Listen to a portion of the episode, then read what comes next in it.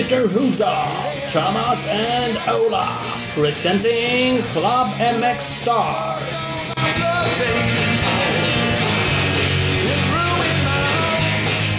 Jubileumsavsnitt igen. Vi har haft ett 10 avsnittsjubileum. Nu är vi på ett 20 avsnittsjubileum. Ja, vem hade, vem hade kunnat tro det på riktigt?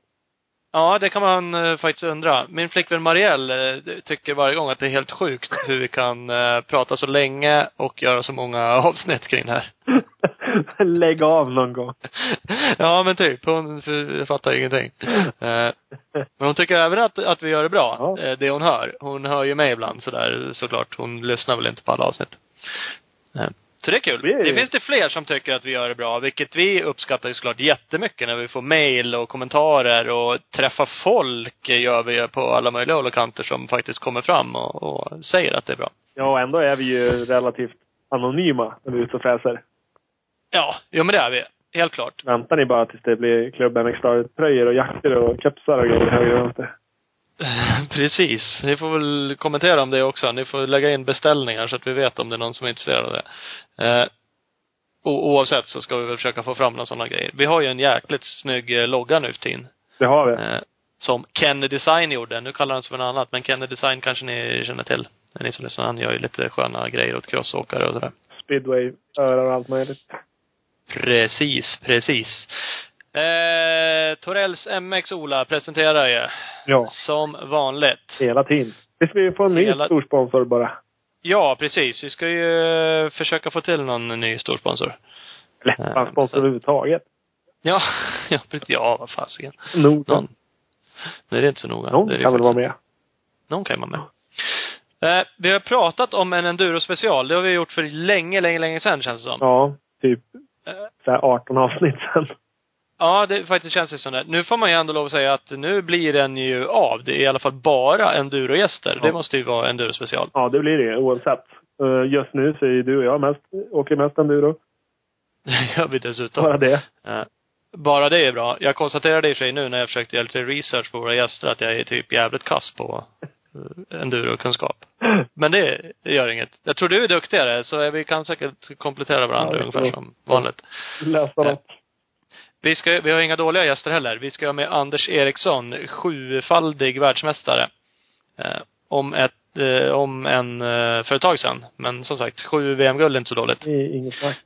Albin Elofsson, lovande, 19 år, eh, vad heter det, Swedish Enduro Championship-mästare två år i rad. Precis, och förstår det som junior. Och eh, sen har han väl varit tvåa i den här 125 eh, youth-klassen också. Yes, I VM. internationellt i VM ja. Och Jocke Ljunggren, Joakim Ljunggren, eh, Jajamän. har väl inga VM-guld än, men han har ju flera pallplaceringar i VM. Han har väl två ungdoms-VM-guld, tror jag. Ja, Eller junior, junior-VM-guld har han till och med.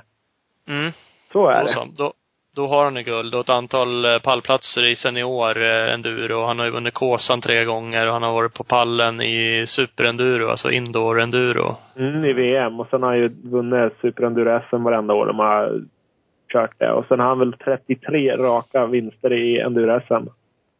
Alla, alltså han har inte åkt alla race, men 33, de 33 tävlingar han har åkt i rad har han vunnit. Det är ju sjukt imponerande också, kan man ju säga. Det är rätt bra. Det är jäkligt bra. Eh, Så att, eh, riktigt kul. Vi ska snacka lite allt möjligt med de här. Det blir ju, ja, det blir väl enduro-SM och GGN och VM såklart och Six Days kanske och Allt möjligt. Ja. Det är som en eh, allt. gott och blandat enduropåse. Precis. Enduro-påse specialavsnitt. Så blir det. Eh, Apropå enduropåsar och att vi faktiskt kör lite enduro. Så får man ju att säga att vi har ju haft, vi pratade om den här podcast-effekten. Ja, den är, ja, jag vet inte. Jag, jag trodde, tänkte i början, det där är ju bara något jävla hittepå. Det kommer inte funka. Det gör ju Nej. Det funkar ju alldeles utmärkt. Det funkar ju även på oss, verkar det som. det. Tydligen. Det är inte bara på våra gäster. Det är fantastiskt. Ja, det är helt sjukt. För, för du sopar väl hem någon form av mitt enduro cup här för någon helg sedan? Jajamän. Totalvann den. Ja. Det är inte så jävla dåligt. Nej, Grattis. det är bra. Tack så mycket. Ja, men det är jäkligt bra. Eh, och jag körde ju Gotland Grand National. Det och du. ibland får man ju skryta om sig själv. Jag kom ju tvåa i seniorklassen. Ja. Det är också precis ännu bättre faktiskt. Så grattis. Ja, det är inte vinst, men Nej, eh, men tack. Det är. Jag är jävligt nöjd faktiskt. Ibland så får man ryggdunka sig själv och det har jag gjort i flera dagar nu. Ja, om man bara har tillräckligt långa armar så går det ju bra. ja. Nej, skitnöjd med det. Vad var jag? 27 totalt. eh, Vilket inte heller är så jävla dåligt av nästan 2 500 startande. Nej, helt klart. Men eh, två i senior, det, ja nöjd. Eh, och vi hade ju med lite gäster sist. Vi hade ju med Lappen och eh, Åkerblom. Yes. Mats Åkerblom. Två gånger Mats hade vi och Mats Lappen Nilsson blev ju total tvåa och Mats Åkerblom blev total trea på Gotland. Mm. Eller Lars Lappen Nilsson som han kallas i Aftonbladet. Mm, jag såg det också. Jävla sköna. Det var ju stenkoll. Vem fan skickar de ut igen? Ja, jag vet inte. Det, det skulle tydligen bara göras en artikel väldigt snabbt. Ja, tydligen. Hur ska de få någonting rätt om de inte ens får Lappens namn rätt? Nej, vad fan. Noga kan det vara. Eller så var det han eh, Lappen Forsberg från Tierp som körde på kanske. ja, det kanske, det var ju även fel bild någonstans, Ah. såg jag i någon tidning. Ja, det fanns ju tydligen två stycken som hette Mats Nilsson som åkte cross. Det är ju Ja, gjort för att blanda ihop dem. Det är det ju faktiskt. Dessutom så, det är ju han som har RG3-fjädringen. Mm. Eh, och som Ma- Mats Lappen Nilsson även kör med. Vilket är ju jävligt otydligt. De gick ju runt båda två på Gotland och Utgav sig för att vara Mats Nilsson. Ja, ja precis. De jävlarna. Bara för att röra till det. Men, ja, eh, bara. Men, men så kan det ju vara. ja, så är det. Eh, Så att, eh, ja, podcasteffekten levererar. Vi har ju haft lite tävlingar i de tidigare avsnitten och det ska vi försöka ha även den här gången. Vi har ju med Albin Elofsson. Yes. Eh, ung, ung lovande, 19. Jo men han är, får ju klassas som ung. Lovande är han ju absolut. Ja, det är han. Husqvarna Factory-förare.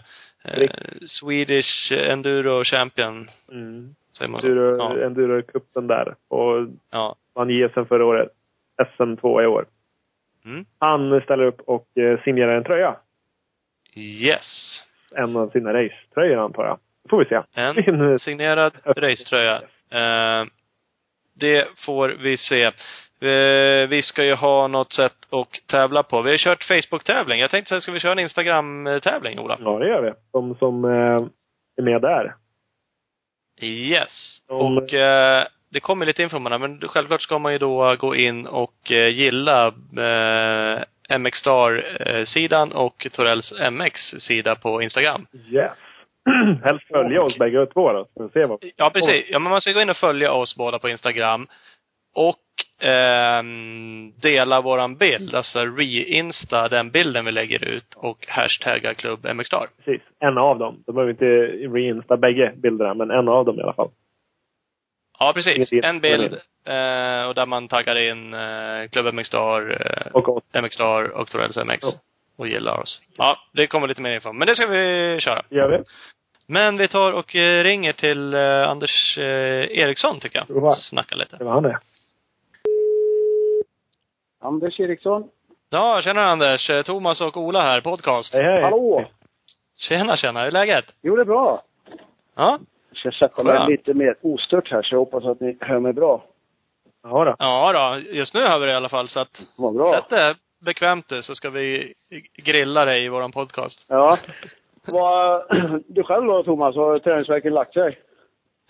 ja, det, ja, men det är hyfsat faktiskt. Jag är lite sliten. Så Ja, jag är lite- fan, du körde ju bra ju. Riktigt bra ju. Ja, jag är faktiskt eh, sjukt nöjd faktiskt, jag lov att Ja, säga. kul. Kul. Det är riktigt jäkla roligt. Jag hade ju sådana löst mål att vara på pallen, men jag vet inte. Ja. 100% realistiskt kanske jag inte tyckte det var själv heller från början. Men, Ja, eh, det är bra. Det är bra. så det, det är skönt när det går vägen. Ja. Men var det bara du, utav- du som åkte ut här, ni- er två, eller? Hur? Ja. Jag är hemma, tar hand om Ja. familjen. Ja, det är bra. Det är bra. Precis. Men du var där också. Hur kändes det för dig då? Vad blev det? Sexa? Jag blev femma totalt blev jag. Femma, Eh, ja. ja. Eh, nej, men eh, vad ska jag säga? Ganska positiv smak efteråt. Eh, blandas givetvis med att, eh, ah, vad fan, jag ville ju, jag hade väl tänkt mig att vara lite högre upp för Gotland känner jag till och kan. Men eh, lite grann eh, vart det väl ett scenario som jag inte hade väntat mig. Eh, att det liksom var så pass torrt och gick så fort liksom. Eh, så gjorde det nog att eh, Ja, det, det, jag hängde inte riktigt med helt enkelt. Jag eh, hade nog behövt eh, att ha lite blötare, lite halare, lite jäk, jävligare om man säger så. Jag, när man är gammal vill man inte åka så fort, du vet. Nej, Nej det är lite så. Mm. Sen eh, visst, jag, jag, placeringen blev bra så sätt. Jag, jag fick ju några placeringar på det hände ju mycket sista varvet så att eh, då fick man, eh, fick jag ju, jag gick om Kjetil när han stod och då var jag precis bakom honom när han uppa. Så gick jag om honom och så hade jag ju ingen aning om att, att eh, ja, jag tog, eh, att det hade hänt någonting då för Hansson och för, för Heiby, Heiby då. Nej, precis. Mm. Nej, så var det. Det försvann faktiskt några där som sagt som åkte ja. jäkligt bra får man då säga. Eh, men det är ju sånt som, det hör ju egentligen eh, till kan man det säga. Det gör ju det och det händer mycket, ja precis så är det. Det händer mycket på Gotland så att det, det, det, är, det är inte färdigt förrän hon sjunger den tjocka damen, så är det. Nej, det är så. Men det blir speciellt när det är så här torrt. Alltså torrt har jag kört förut också, men i år, ja det stod ju lite vatten i hästskon, men det var väl det enda som var nästan. Ja, ja nej men det var ju extremt. Det var ju, alltså, jag var jag hade en dålig, eller jag gjorde en dålig start eh, och, och jag kan inte säga vad jag var mitt på rakan, men in i svängen kanske jag inte var bättre än 30 40 om det någonting. Eh, och, men mitt på rakan dammade ju och det, har, det var i alla fall första gången för mig på Gotland. Jag har kört sedan 89. Ja. ja, det är rätt. Ja, för där brukar det, det står ju nästan alltid vatten. Även år det är ja, ja, brukar ja, det stå visst. lite vatten på den rakan. Visst, visst, visst, visst.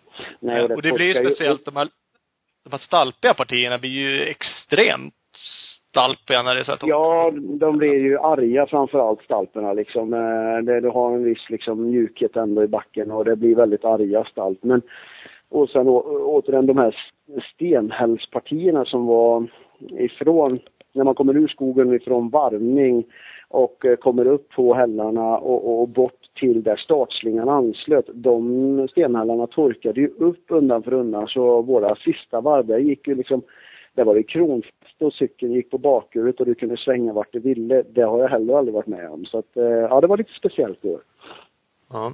Mm. Ja, så är det. Ja. Det där är lite svårt att veta också. Man försöker alltid, det gör väl du också, man försöker hitta insider. Hur är det där ute egentligen? Vad kommer ja, det bli för väder? Så är det ju. Man, man ringer och man luskar och man eh, hör och liksom, ja, faktiskt var att eh, eh, några, jag har en del kunder liksom där över och, och de hade liksom, ja de sista veckorna, ja men nu har det börjat regna en hel del och det, det, det, det kommer att bli ganska blött liksom och ja, nej men det blir bra. Och så Ja, så har man, bildar man sig en bild och en, ett scenario och så mm, sätter man upp biken lite därefter och vi har flyttat så mycket eh, skit från det där eh, spåret nu så att det finns, det blir ju mindre och mindre håligt. Även om det blir väldigt vassa och arga hålor så, så blir det ju mer att sätta upp cykeln för, för eh, halt liksom underlag och lite mer typ hårdbana sådär. Och, och där hade jag gjort det jag kände. Jag hade en väldigt fin cykel på de hala partierna men, men kanske lite, lite att, eh, på bekostnad på de riktigt håliga partierna.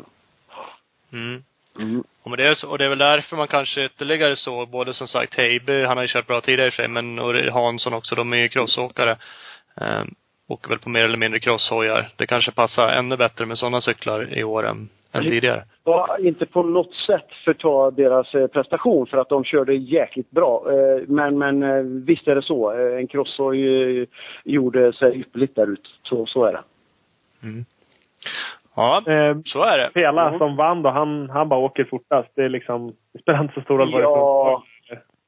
Ja, alltså eh, han, han är i en klass för sig och jag tyckte nog förbundskapten eh, Elger Ståhl beskrev det ganska bra eh, där man sitter och tittar på bilderna och man vet hur han kör och sen så kan man ju referera till sin egen körning i samma partier. Han, han har sån även om han kör på, på, på, på sitt max liksom, så har han sån, eh, han har sån fart i kroppen idag och sånt självförtroende så att eh, han är inte, mm, han går inte över gränsen, behöver inte gå över gränsen. Han, han var uppe och nallade i taket när han gick förbi Heiby liksom och då, då snackar vi under 4-5 sekunders eh, sekvenser. Sen så kan han eh, ligga egentligen och, och kontrollera även om det är på 100 procent så har han så hög eh, högsta, hög, eh, både högsta nivå och lägsta nivå så att han eh, har så god kontroll på det där. Eh, han eh, han har ju en optimal eh, körstil liksom lite grann för väglaget nu med så hög lägsta fart mitt i svängen med sånt rull alltså så att det är, inte, det är inte riktigt lika halt för honom som det är för oss andra. Nej. Eh, han, eh, fransoserna har ju tagit ja, har kommit till en, en nivå till vad det är om vi tittar på enduron då och jag har ju förmånen att få leda ett projekt inom, inom svensk enduro, liksom den här elitsatsningen. Och vi, vi tittar ju nu, vi var mm, längre tillbaka i tiden så var vi föregångs, föregångsland och, och de som alla, vi var det land som alla jagade. Nu, nu är det Frankrike som alla ska jaga och det gör vi också. De man jobbar mycket med att hitta ett enormt flyt i åkningen och jobb med, med teknisk, eller tekniken därefter liksom att på sina träningspass att lägga banor mm, som, som ger ett högt rull och eh, eh, satsa som sagt på att ha så hög lägsta fart mitt i eh, svängen som, som det bara går liksom. Och med hjälp av vissa detaljer då så att säga att använda eh, bara frambroms eller eh, ingen broms alls och ja, göra flowpass liksom, hitta flytet. Ja, SVT gjorde ju något reportage om honom där. Han hade ju, han hade ju skaplig kille att träna med när han tränade hemma också. Ja, ja precis. Eh, jag är här, eh, jag är här för att ringa runt lite till, till, ja, till klubbkompisar och motionärer och han hade ju, han hade ju en skaplig, som sagt var, klubbkompis och, och kanske lite mer motionär, jag är form av Nambotin. Nej, och, och, det är väl just där de är nu, eh, Frankrike. Alltså, de är fantastiska sparringpartners, de har en hög nivå, de har ett um, tryck i åkningen som ger ett självförtroende att uh, Eh, de vet att det de gör på träning och när det går bra på träning, då räcker det till. Och jag, jag har varit där personligen i en del av karriären där man visste att ja, nej men eh, det går så pass bra nu så att eh, det är inte så många som eh, ska mäkta med den här farten och, och liksom det ger en grundtrygghet som man kan jobba på då. Eh, då är man liksom i zonen och de, de är verkligen i zonen just nu. Eh, många utav, om jag går till mina juniorer som är enormt duktiga just nu så, så har många utav dem en väldigt, väldigt hög nivå på, på träning.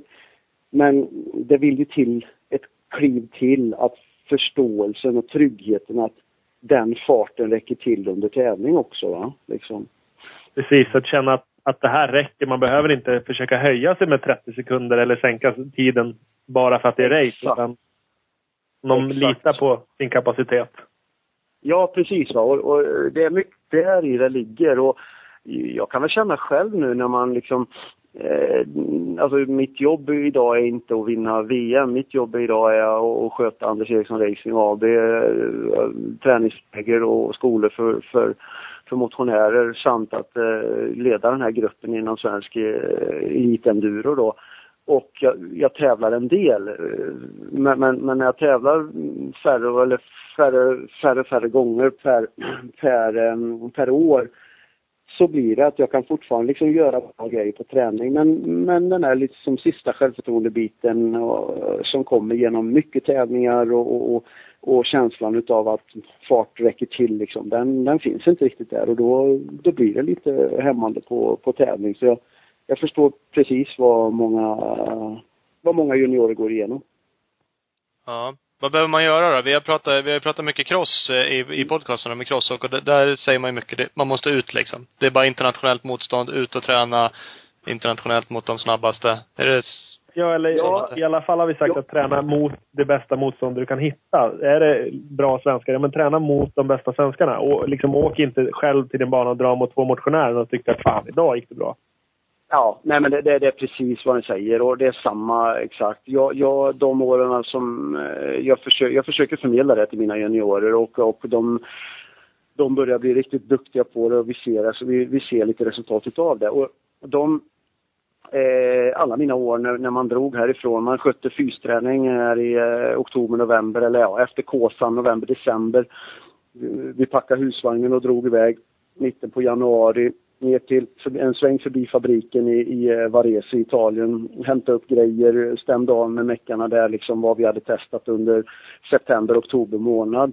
Och sen så fyllde man bussen med grejer och drog bort till eh, Girona, Spanien och där, där låg liksom alla ens bästa, värsta eh, slash konkurrenter och tränade och vi träffades. Eh, det var liksom, vi träffades varje dag på crossbanor. Imorgon åker vi enduroprov uppe på hans farm. Ja, vi åkte dit. Alla, man, man tränar mot varann, mot och med varann och sen så fick man tävla om det. Och det, det var liksom ett positivt klimat och eh, det höjde, höjde alla. Eh, där, där ni säger liksom att just att eh, man, om man går man börjar med att bara inrikes så att säga ta kontakt med de bästa svenska förarna och, och, och börja träna ihop. Det är liksom ett bra avstånd för att eh, Ja, jämt när vi var hemma de få månader om året vi kom hem, jag och Björne Karlsson, vi bor kanske 30 mil ifrån varann och vi tränar ihop jättemycket liksom.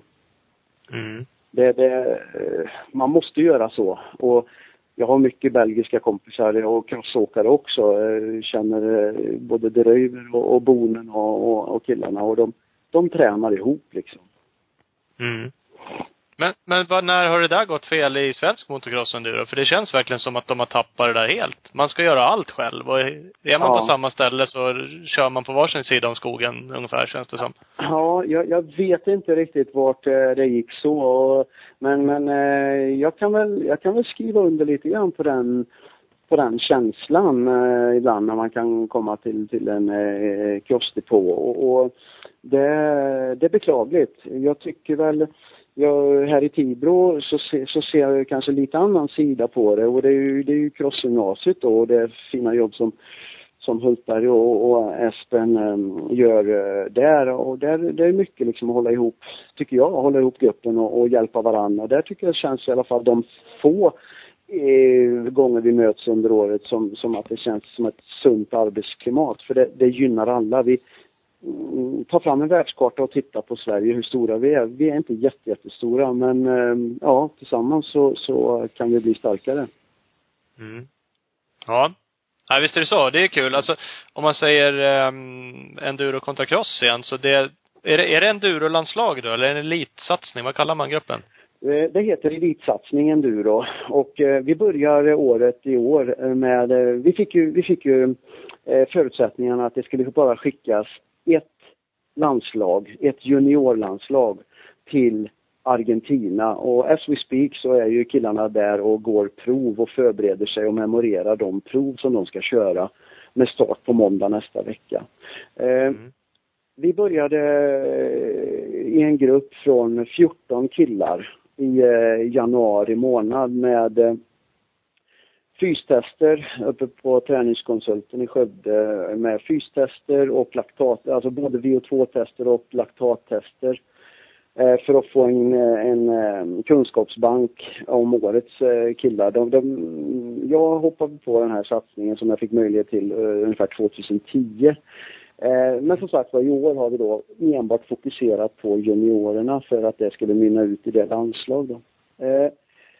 Så det var under tre dagar som vi personliga samtal om vart de står i sin eh, teamsatsning, alltså vilka sponsorer som fanns, vilka möjligheter, eh, hur det såg ut på den biten, hur deras tävlingskalender såg ut, hur hur, eh, ja, få, få, få helheten lite grann.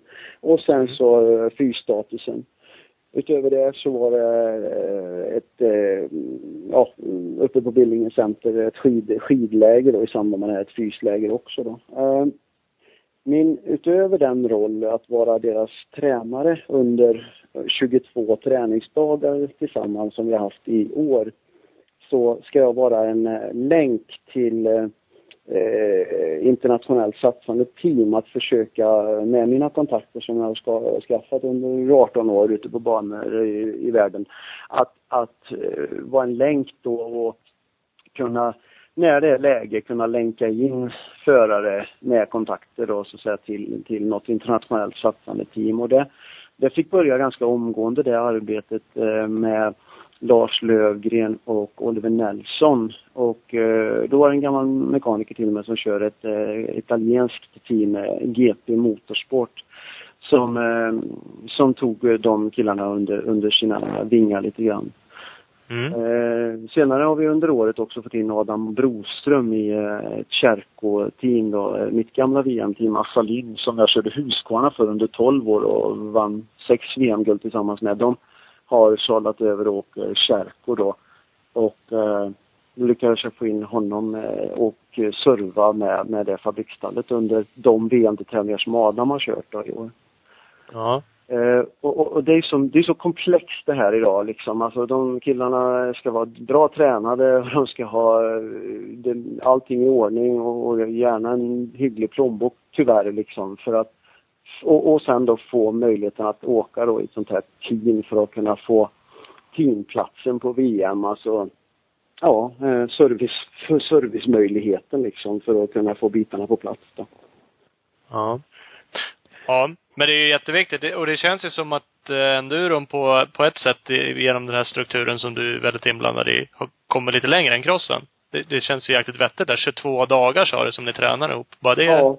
känns rätt bra. Ja, det, det är en fantastisk eh, satsning och, och eh, jag sitter nu och gör ett årsbokslut på det och, och eh, försöka som sagt var få, eh, ja, få, fortsätta, få, få fortsatta medel till att göra det här för att det, det är, om man tittar på toppen idag i, i SM då så säger enduro så den juniorgrupp som, som jag jobbar med den, den utgör ju stommen i toppen i svensk enduro idag. Så och det är ändå killar då som är födda eh, 94, 95 snackar vi nu liksom då med liksom eh, Albin Elofsson som har nummer ett på cykeln och sen Oliver Nelson liksom. Det, det, och de har gjort, Albin är tvåa i Youth eh, Cup då, ungdoms-VM och Oliver har tagit pallplats i junior-VM under året och Lars är stadig där topp 8, topp 5 så att det, det ger frukt och det, det ger killarna en en, en, en, den här tryggheten vi var inne på inledningsvis, liksom en stabilitet. Eh, och, och, som krävs idag för att vi inte ska, den är så viktig och det är ju inom crossen med. Det är så jädra viktigt för att det är så, det stålbad som branschen går igenom just nu gör att det är så tajt med platserna i de allt färre team som finns ute på, i depåerna. Så att eh, är vi inte med här uppe nu och klarar av en generationsskifte ytterligare då, då, är, då är det för liten marknad här uppe, är jag rädd för. Mm. Eh, Lite kan ju vara så. Det var, det var ju, eller ni var ju ett jävla gäng med dig och Björn och det som var ute och drog mycket VM, Peter Jansson och sådär. Sen blev det liksom ett glapp. Ljunggren var ju lite själv i sin generation som åkte mycket VM och gjorde resultat kändes det som. Ja, det, det stämmer det. Och, och det, det, går att analysera det till, eh, till döddagar höll jag på att säga. Men eh, jag, jag, tror att vi är någonstans på väg tillbaka och, och eh, att jag tror mer på det här att killarna behöver åka ut tillsammans, kanske lite utan mamma och pappa, testa vingarna eh, ta hand om eh, skit mycket själv för att det, det är ett tufft jobb eh, att, att vara enduroförare och crossförare. Alltså, man är sin egen företagare fullt ut egentligen många gånger. Och, och eh, testa som sagt var vingarna och våga ligga, ligga ute en längre tid och, eh, och, och, träna i eh, Europa. Jag, det är den vägen att gå och göra och hjälpas åt. Det, jag tror att det är den, det var så vi gjorde det och det, jag tror på den eh, möjligheten. Precis som du säger att, att eh, liksom du är företagare när du är ute. Du är hela produkten som du försöker sälja och då, då måste du kunna det allting själv. Det går inte att ha en, liksom, tycka att ah, det här var värdelöst, jag fick skit på brillorna, så gå in och spelar tv-spel så, så fixar farsan hojen och morsan lagar mat. Utan du måste liksom kunna själv sy ihop alla ändar och få det att funka och du ja, måste lösa det mesta. Nej men det, det är så. Och, och jag, det, det är som jag säger till mina killar att eh, det, för de som inte kanske känner mig och sådär, de kan tycka att eh, ja, sju VM-guld och fasiken vilket häftigt eh, liv. Och ja, det har varit ett fantastiskt liv och vi vi hade förmånen och, och jag och min sambo har haft bra kontrakt så att eh, vi, vi startade ett aktiebolag och eh, jag, skött, har skött motorcykelåkat i det och hon eh, har skött ekonomin och vi har, vi har gjort det tillsammans så att säga. Det, det har ju varit fantastiskt men det är ju ingen som har Eh, arbetsgivaren har ju inte lagt upp ett träningsschema och han har inte lagt upp att jag ska börja träna eh, klockan 07.00 på morgonen utan det, det, det, krävs, eller ja, de har krävt egentligen bara att det levereras resultat och, och sett till att jag har haft en fantastisk cykel till att göra så. Eh, träningscykeln har jag skött själv och, och med hjälp av kompisar ibland, absolut. Men, men träningen, det, det är jag som utför den liksom och uh, gå upp på morgonen och se till att göra jobbet att göra läxan. Det är det som det, är det, det handlar om. Ja, det är ingenting man stämplar ut klockan fyra vi heller och tycker att nu är jag nöjd. Utan det är någonting som pågår dygnet runt liksom. Man, eh, man, lever, man lever med det ständigt när man är i zonen. Man, eh, man äter, sover och bajar enduro, så, så är det bara. Och det enda, enda som liksom är kvar i huvudet många gånger, det är liksom hur kan jag, hur kan jag föra fram det här fordonet bättre? Så, så var det för mig. Jag kan kanske känna ibland när jag tittar tillbaka på karriären liksom att eh, ja fan du kunde väl ha njutit lite mer för det är ju liksom, du har gjort det ganska bra. Men, alltså, eh, men det blev ju en drivkraft att vi kunde liksom vinna, eh, ja vinna två dagar i Spanien och så helgen efter var det Portugal och ändå känna liksom så här, visst det var en middag på kvällen och man eh, kunde till och med ta sig någon pilsner liksom. Men, men det var ändå så här att, ah fasiken, såg du där på det här sista provet, vi fick stöd där liksom och det skulle ha passat oss liksom. Varför blev det så? Det där kan, eh, det där får inte hända i Portugal liksom. Så att det blir, det blir hela tiden en, ja, en, en jakt på att bli bättre liksom. Och det, det, är det, som, det är det som driver en framåt och, och så är det. Ja. Nej, det, ja. Ja, det är inte lätt det där. Det är, men såklart, det är det som gör, ja du har ju sju VM-guld. Det är ju liksom ingen slump. Eh, Nej. Såklart. Eh, eh, men vi, och det, ja, jag vet inte, det där är svårt. Jag hade nog inte kunnat träna och blivit något ändå, även om jag hade haft tio miljoner på banken och kunnat gjort vad jag vill. För att det kräver ju rätt mycket och faktiskt Ja, lä det, lägga ner det. Jo, det, det, men jag har, jag har väl å andra sidan aldrig känt liksom så här att, åh, fan vad jag får försaka mycket när jag jag spelade handboll och gjorde andra sporter men eh, den dagen jag kom in på idrottsgymnasiet i cross då la jag undan det och så där fick jag väl lite nyckeln till liksom eh, till att börja bli en elitförare i, i, i ja, först då motocross givetvis. Men men eh, det, då bestämde jag mig för det, det, här, det här ska jag bli riktigt bra på. Och Eh, mm, det, jag har liksom aldrig känt som sagt var att oj vad jag får försaka mycket och vad gör mina polare nu liksom utan jag har fått uppleva fantastisk, eh, fantastiskt mycket genom min sport och träffat eh, fantastiska människor. Jag har fått varit ute och rest jättemycket. Och sen just som sagt var eh, viljan, motivationen att hela tiden förbättra sig på på olika områden. Det behöver ju inte bara vara i form av tid, även om eh, klockan var en väldigt viktig del liksom för att det bevisar att man faktiskt kör snabbare. Men, ja. men eh, hela tiden analysera liksom att vad kan jag göra bättre och sen så vill jag ha kvitto på det. Skriva ner och sen så, eh, ja, året var bra men till år, nästa år behöver jag bli bättre på att förstå motorcykeln i, under, i olika underlag och såna här saker. Så det, det var det var en drivkraft framåt eh, hela tiden. Och sen hade jag ju, har jag haft väldigt bra folk runt omkring mig med, med eh, som sagt det här teamet i Italien som, som vi lyckades ta sex guld tillsammans med. Men eh, utan på något sätt liksom man, man ibland kan man prata om, om sin karriär sådär så att nästan då eh, juniorer kanske kan tycka att nej men fy fasiken det där är det inte värt eller, eller det där blir det där känns ju inte, du, du är ju tokig gubbe liksom sådär. Men, men så, så är det inte riktigt heller. Men, men för, att bli, för att bli bäst så, så måste man dedikera sig. Det, det finns ingen annan eh, väg.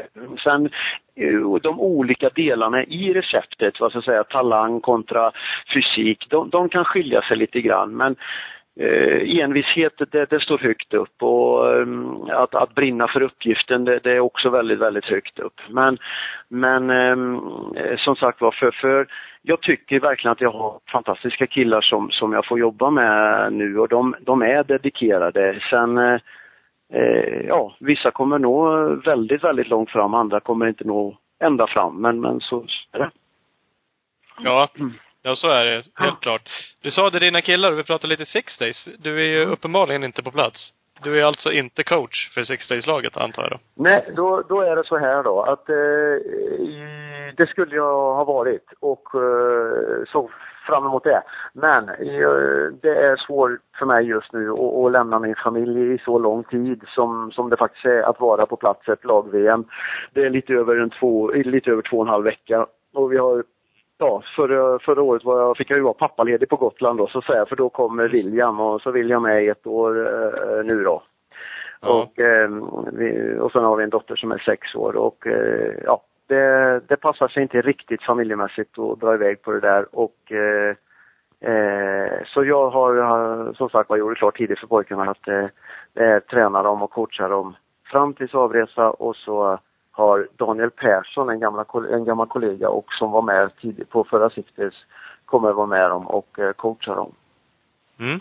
Det, är, eh, eh, det är väl eh, en stor del av sanningen. En, en annan del av sanningen är att det är, även om vi har som sagt var 22 dagar tillsammans och, och det är en rejäl satsning som, som förbundet gör, så, så räcker det inte riktigt, riktigt ända fram till att till att medverka på, på, som coach på hela cykeln, så att säga, och ekonomiskt sett då.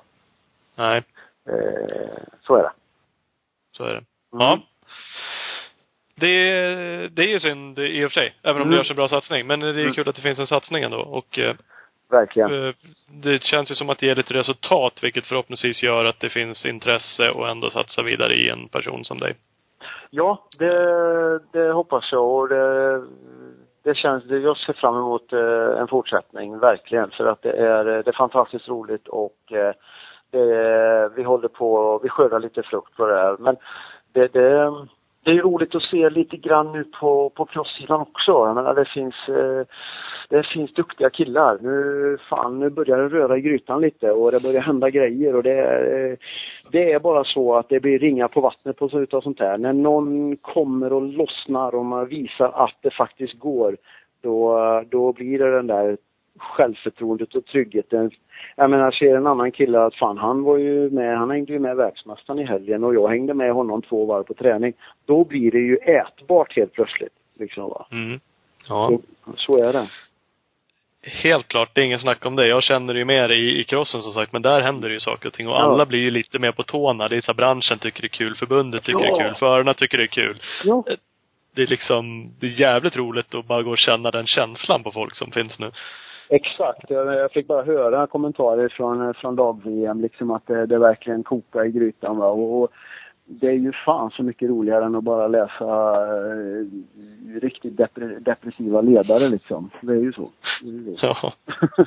ja. ja, men verkligen. Ja. Visst är det så. Mm. Nej, vi får hoppas det vänder och att vi, som sagt, kan vara med då. Det är tråkigt annars om det blir som, som du lite förutspådde. Att vi tappar nu också och så dippar branschen tänkte jag säga och så är vi inte ja, med alls. Nej, nej precis. Och det får inte hända va. Utan det gäller att, det gäller att, att alla drar sitt strå till stacken här uppe. Förbund, eh, bransch liksom. Allting. Att vi, vi verkligen eh, kämpar och, och, och ger eh, de här eh, ja, duktiga killarna ja, och en del tjejer bra, bra förutsättningar. Mm. Jo, men det är så. Ja. Eh, utan att du för den behöver säga några exakta grejer, men när du åkte, nu var du ju i sig sjufaldig världsmästare, det är bra. Eh, mm. Men om man säger rent eh, ekonomiskt och sådär. Mm. Såg det bättre ut då, vet, tror du eller vet du det, än vad det gör idag och liksom hamna i ett team? Även I- om man är duktig. I enduron är det så här att vi var, vi var fler då som hade bra kontrakt så tillvida att några, vi var fler som tjänade bra pengar. Vi var fler som kunde hålla skeppet flytande, alltså hålla näsan över eh, vattenytan. Mm. Eh, och de, det, den, den andel och den skaran blir färre och färre, tyvärr. Eh, den var mindre förra året och kommer att bli ännu färre nästa år. Det är eh, liksom, det är bara ja, en handfull som, som tjänar bra, bra pengar liksom i, i, eh, i toppen på VM och, och sen är det några till där efter som håller håller det, håller det flytande och sen så är det en stor andel som, som får betala sig in liksom. Mm. Och det, jag tror att det kommer vända igen, för det gör det. Men, men eh, det är ett stålbad som, som branschen går igenom. Så, så är det bara. Mm. Jag, vet inte, jag vet inte om du tycker att det är en svar på din fråga. Men, eh, Nej, jo, men det är. Jag förstår att det inte, och det är, det är väl intressant med exakta summor som sagt också i allting, men det var inte det jag riktigt frågade Nej, efter heller. nej. Det där är ju känslan, som sagt, lite i krossen också. Man hör Ja. ju fler och fler som faktiskt köper sig in för väldigt, Ja. väldigt mycket pengar. Ja, Ehm, och så finns det ju såklart en klick i toppen som tjänar väldigt, väldigt mycket pengar också. Mm, Det är mm. känslan i alla fall, utan Ja. att veta. Men, ehm, och, och det är väl klart, man hade ju kanske önskat kanske ibland att det jämnade ut sig lite, eller åtminstone gav lite mer ja, tillbaks Så- till de som ändå försöker. Så känner jag verkligen. Jag håller verkligen med dig där. Och eh, det, det är eh, för att ge lite fler, eh, en extra morot kanske till att kämpa lite till då, om man säger så. Mm. Jo, men det är så. Någonstans blir det att det är ungefär samma, samma pengar i omlopp, men det är bara färre folk som tjänar mera pengar. Mm, det, är, det, det, det, det kan vara så. Det kan vara så. Det, det känns så även som det har eh, skurits ner en, en del måste jag säga. Det är, eh, det är lite färre team ute. Det är eh, en eh, en stor, en stor eh, MC-aktör som har köpt upp ett märke. ja, nu kanske vi skulle hålla det lite, ja. Nej, men det har ju faktiskt, faktiskt gjort att det, är, ett- att det är färre märken bland chaufförer och kunder att välja mellan. eh, Så då, va. Eh, du, du får nog klippa lite där. Ja. det går till podcasten. Ja. Ja, det, Ja. det är ingen fara. Var Nej, varken nej. sagt för mycket eller för lite, så det är nog Nej, jag tror inte det. Ja, ja. nej, Eh, nej, men eh, ja, det, det, jag hör, jag hör eh, bland eh, duktiga förare idag och då snackar vi, då snackar vi eh, mellan position 3 och 5 i VM idag, i, i senior-VM-klass. Där har man där har man problem att få en grundlön för att utföra sitt arbete och då, då är det eh, inte bra. Inte jag. Nej. Nej. Nej, nej det är det inte. Mm. Ja, vi får hoppas det vänder lite Ja, grann. ja, det ju såklart. Det kommer det att göra. Det kommer det att göra och eh, det är jag helt övertygad om. Eh, så så mm, det, det, hur många år det tar, men det, det vet jag inte. Men, men jag, jag ser ju Norden ambassadör för, för märket Cherko eh, nu. Jag har ju faktiskt blivit fabriksförare igen på, på lite äldre dagar. Man är inte gammal, men ja.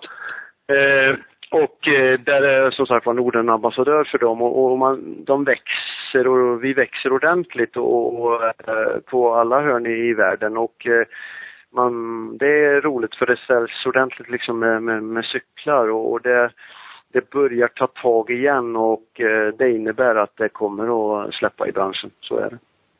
Mm. Ja, men det är bra. Apropå det, vad har du för egna planer framöver? Blir det ungefär lika mycket tävlande nästa år och träningsläger och kärk och, och sådär, eller hur ser det ut? Ja, det gör det faktiskt. Jag kommer fortsätta mitt arbete som, eh, som eh, Nordens, Nordenambassadör för Kärko. Jag eh, nu nära framstående är det ju Kåsan som jag tänker köra.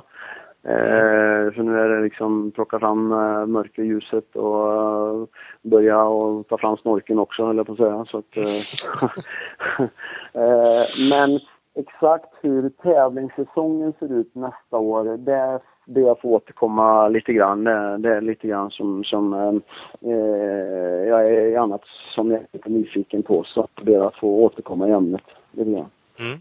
Eh, men eh, träningsläger blir det av och med start i egentligen från april till eh, oktober så är det eh, en till två stora läger varje, varje månad. Så det, det är kul. Det är kul.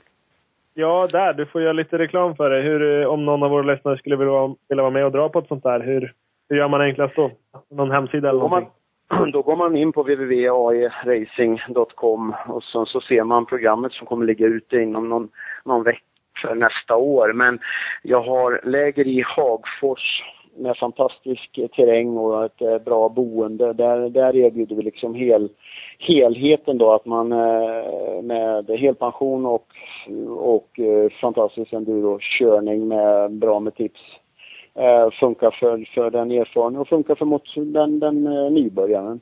Eh, och sen så har vi börjat att köra läger uppe i Uppsala och Rörkenområdet. Eh, och Eh, där kommer vi köra ett vårläger och ett höstläger och höstläget har vi tillgång till ett eh, fint stubbgärde. De har ju genomgått eh, en fantastisk, eh, vad ska jag säga, ans ansiktslyftning uppe på, på Rörken med endurospåret där som tidigare var ganska så det, ja, det var i alla fall signifikativt med riktig svensk enduro. Nu har eh, det breddats ordentligt in eh, på en del av spåret och blivit väldigt, väldigt fint. Så att eh, där har vi haft eh, också väldigt fina läger. Mm. Ja, minns du Kåsan där 06? Då, då var det inte så vackert. du, när man kom, man kom bort bortanför eh, gokartbanan där borta, efter, bakom kustbanan där, när liksom ja. man ös bort i skogen och det enda man såg det var liksom att det blänkte en 20-30 centimeter upp på trästammen. Man såg inga rötter och tänkte man oj, oj, oj, det här blir sorter där vet du. Så att, eh, ja, det var något blött var det. Det var fuktigt det året. ja, det var ju det. Jag och Ola ska ju köra 2016 nu när det är tillbaka i Uppsala. Härligt! Mm. Ja. Men då får vi lägga in lite, då, då, får vi lägga in lite training camps och lite förberedelser. Nog ja, göra det. det. vi vara med. Jag åkte ja, även då 06, men jag bröt efter dagsetappen. Okej, okay, okej. Okay. Jag eh, ja. kände inte, psyket var inte riktigt med då för att fortsätta. Jag kände att nu, nu får det faktiskt vara. Den första sträckan där runt soptippen och vi startade ju, vad var det, bort i, ja vad hette lilla byn där? Men den, var, den tog ju, ja den tog ju, den tog ju över timmen på natten den här sträckan. Mm, precis. mm, det är mastet. Nu är, Vim, nu är det Vimmerby i år och det, det kommer kanske inte bli lika mycket mossar och sådär men det är ju alltid känt för att det är, de, det är som Kalle Bjerke säger, de kommer inte behöva lägga dit sten i alla fall för det finns det där. Så, sten finns det och sen är det riktigt långa sträckor. Det ligger upp mot 50 minuter. En timme sträckor. Så det, det blir tufft. Ja, där har de något att bita i. Ja. Och det har de Stort lycka till till det då. Ska, är planen att vinna eller? Nej, jag, nej men det, det är det inte. Men, men jag, jag, jag har som sagt var lite god smak i munnen efter hur kroppen svarar efter Gotland här. Och, eh, eh det, Jocke Ljunggren är den, vad ska jag säga, han är skogens konung lite grann på Kåsan. Och nu kommer han få eh, besök då utav Pela René som kommer Eh, jag tror nog att Jocke är det starkaste kortet i den matchen. Eh, men eh, inte mindre så kommer ju Jocke förbereda sig hårdare för, för årets tävling för att inte ta stryket av, eh, utav Pela. Eh, Jonas Karlsson duktig. Men eh, jag siktar absolut på topp fem och en pallplats hade varit, det hade suttit som en smäck till jul det. Mm. ja, vi får hoppas på det. Ja. Absolut, absolut. Ja men vad härligt. Det var mm. kul att prata med dig. Detsamma. Tack för att ni ringde. Ja, ja. tack för att vi fick ringa. Vi eh, återkommer säkert någon gång igen. Det vore jättekul. Ja. Låter bra. Mycket bra. Vi säger så, så hörs vi av. Ja, ha det gott nu. Tack så mycket. Detsamma. Hej, hej. Hej då. Hej. Härligt. Fantastiskt. När ska vi, när ska vi få tag på en otrevlig gäst då? Ja, vi har sagt det förut. Det verkar inte finnas några. Nej, alla är så jävla glada. Det är för att vi ja. är förbannat trevliga eller? Det kan ju vara så. Det kan väl inte gå att vara otrevlig mot oss? Jag tror inte det. Det, det är han som blev trea i seniorklassen på Gotland. Ja, typ. Han, han var väl inte så sjukt imponerad över det. Han var ledsen. Men, Så kan men. det vara. Ja, Tre, tre sekunder. Någon ska ju förlora med det också. exakt. Eller, Ja. eller förlora, han var ju fan på pallen. Ja. Det var Ja. jävligt bra gjort. Det är ju tredje. Det är det andra förlorare. andra förlorare. Jag var ju första förlorare. Ja, så är det. Ja, inte jag. Vi springer väl vidare här i enduro-träsket.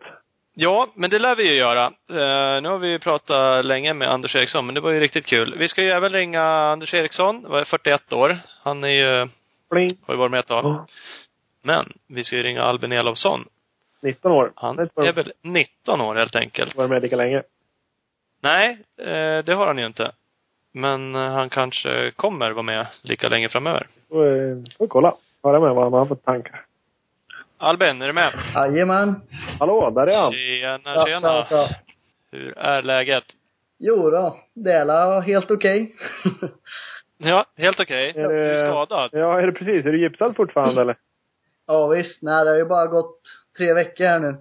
Ja. Eh, Så, eh, men det är båtbenet som är paj där så det är ju, de säger minst åtta veckor så det är, det är lite halvsegt. Fan så värdelöst. Ja. Ja, det är kass. Nej men det är så det blir. Ja. I alla fall om man ska krascha. Ja, precis. Berätta lite, vad hände? Ja, det är SM-finalen i Söderhamn.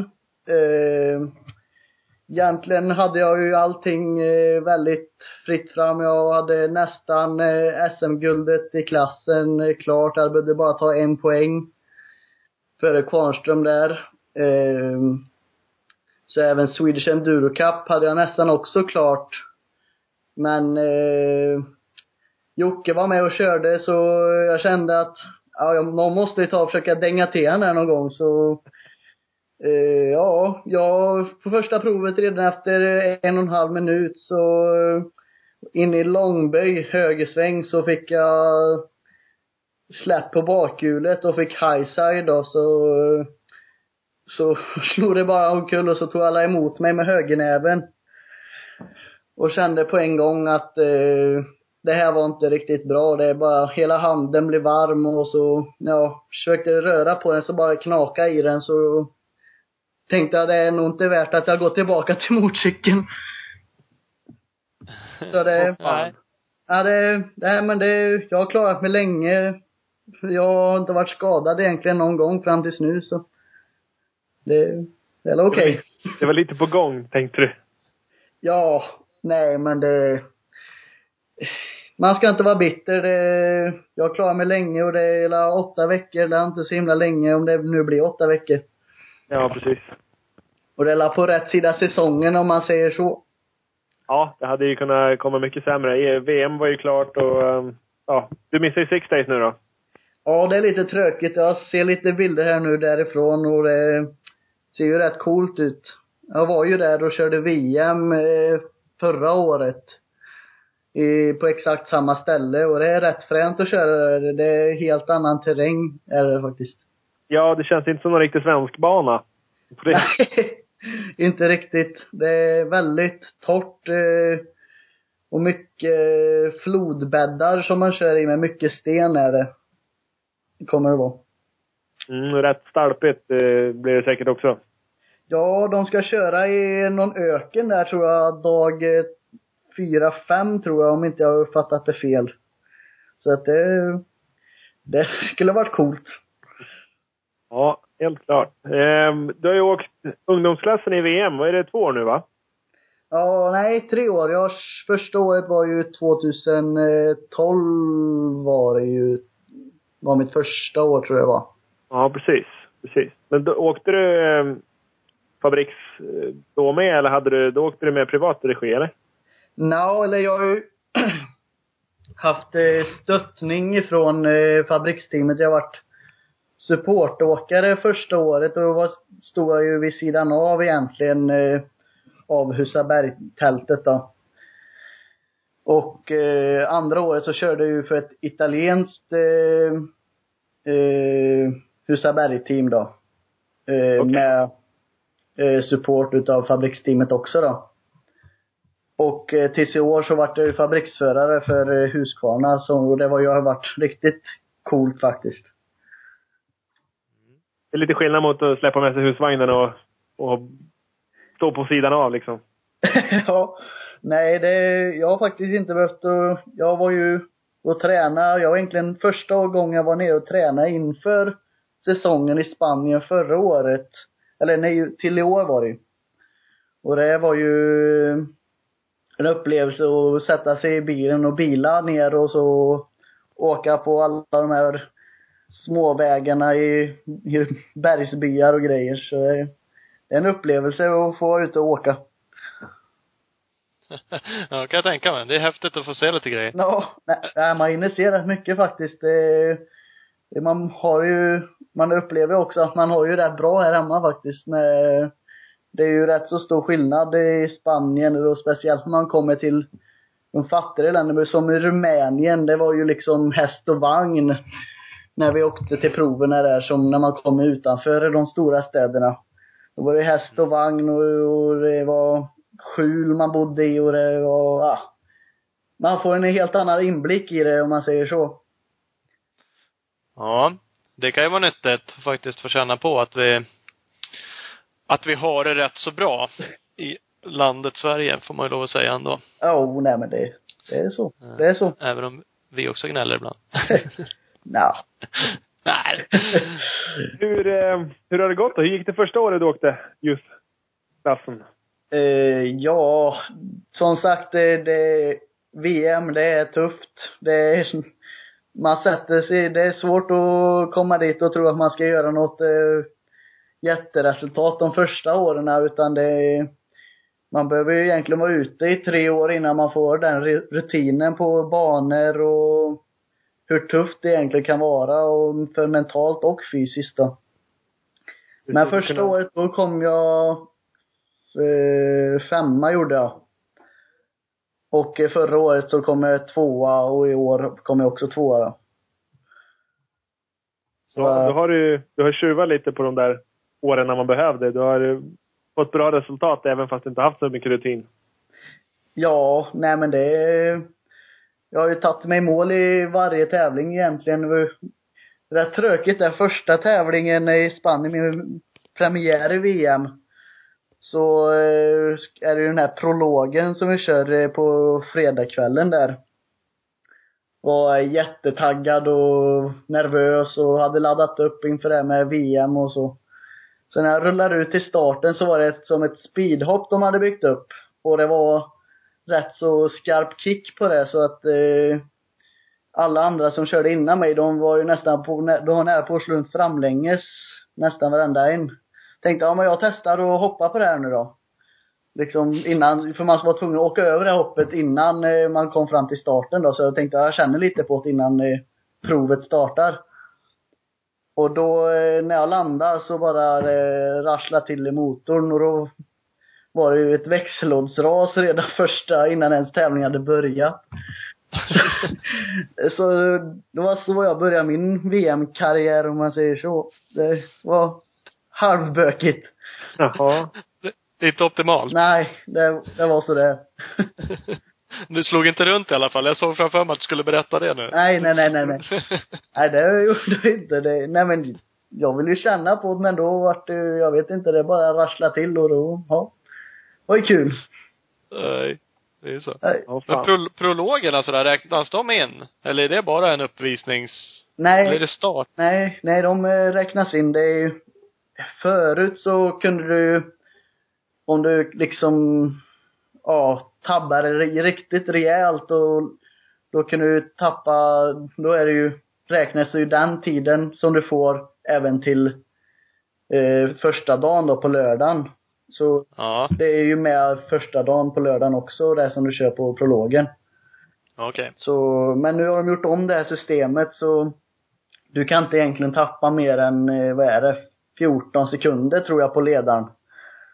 Så det, eh, för du får plussekunder om du, du får 10 sekunder eller 14 sekunder till godo om du är snabbast i din klass på den här prologen då. Så får du plussekunder mm. till eh, lördagen. Som du sedan kan använda till att räkna bort då. Ja. Och eh, om du hamnar under topp 14 så börjar det, blir det minussekunder istället. Då får du minus eh, till dagen efter då. Då får du lägga på till, eh, på dagen, på lördagen. Men det, det låter lite krångligt när man inte kanske är insatt i det, men det, det är inte så bökigt. nej, det är ju det. Ja. Vi, vi pra- pratade lite allmänt om sådana saker, jag och Ola innan, men då var det lite mer klassindelning. Cross kontra enduro. Ja. Men ni har ju E1, E2, E3 och så är crosser MX1, MX2, MX3 och, Ja. och de matchar liksom inte varandra storleksmässigt på cyklar. Nej, visst. Eh, Men det där enduron är också, jag är inte superinsatt. Det är ju lika egentligen hur det är med sträckor och vad är det, respittider och det är transporter och det, Ja. och det är mycket och, som, som du säger, alltså egentligen är det väl inte så krångligt. Men har man inte varit med och kört en sån här tävling så är det ju, eh, hänger man inte riktigt med i alla de där grejerna. Nej, det är så mycket annat liksom. Du måste ju, en dag är ju från sju till eh, åtta timmar egentligen. En VM-dag. Eh, och du ska ju både ha dig och cykeln i behåll liksom och ha koll på det här med tio, tidkort och att du, tidskontroller och servicetid och kränga däck och det, det är ju så mycket andra moment om man jämför med crossen då. Då är det ju ställa sig bakom grinden och så dra så mycket man orkar egentligen. Men här är det ju att vara, om man ska uh, säga det, det kanske låter lite dumt, men vara lite smart om man säger så. Och spara på sig själv och både dig och hojen. finns lite mer taktik i det hela och som, ja, som du säger, lite mer att hålla reda på runt omkring. Ja. Precis. Eh, Bara att ni måste kunna mecka tänkte jag. Eller ni måste åtminstone kunna kränga, kränga däck. Ja visst. Nej men eh, det är ju så. På VM så behöver vi inte meka. Om vi kommer till service då får ju mekaniker och så, då har ju de, ja, då får de ju fixa allt liksom. Ja. Men eh, sen är det på slutet på dagen så ska vi kränga däck.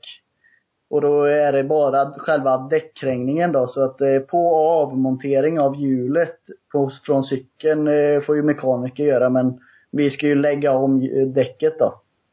Mm. Så det är ju hur en VM-dag ser ut. Men om vi är ute, mitt ute på banan så måste vi ta hjälp utav de verktyg och grejer vi har med oss i våran verktygsväska då. Om det nu skulle hända någonting. Ute på ett prov eller på en transport. Så Ja, precis. det är, det är en del muckel kan bli om man strular till det. ja, visst är det så. Hur lång tid tar det att kränga ett eh, däck för dig? Ja, jag minns inte vad jag kränkt på som snabbast. Eh, både fram och bak så tror jag kränger på, ja, säg sex, sex minuter. Tror jag som snabbast. Ja. Och då, eh, då är det ju liksom bara själva krängningen då. Visst är det, då är det ju nytt däck och ny korv brukar jag alltid kränga med då. Så att det går ju lite tyngre men man, det finns ju de som har tävlat i att kränga med dålig korv och ett sämre däck då. Och då går det ju väldigt mycket lättare när däcket är inkört, när det är lite mjukare och så. Mm. Så det är ju, man vill ju inte heller göra sönder däcket för det, då, då Precis. blir inte farsan så glad. Nej, din, eh, din teamkollega Börjesson, hans farsa är väl, eh, har väl något klipp på Youtube där han är rätt vass på att kränga däck här framme. Ja visst, jo men det går ju sjukt snabbt. Men eh, Det- som sagt, det det, var ju, det däcket var ju, hade ju kränkt ett par gånger och så, men det är ju inget fel så. Han, det gick ju ruggigt snabbt, det gjorde det. Och, Ja, jag kommer inte eh, heller ihåg vad det är, men det är typ en, en och en halv minut eller något sånt där. Eller en minut kanske som han smackar på det där på. Ja visst, precis.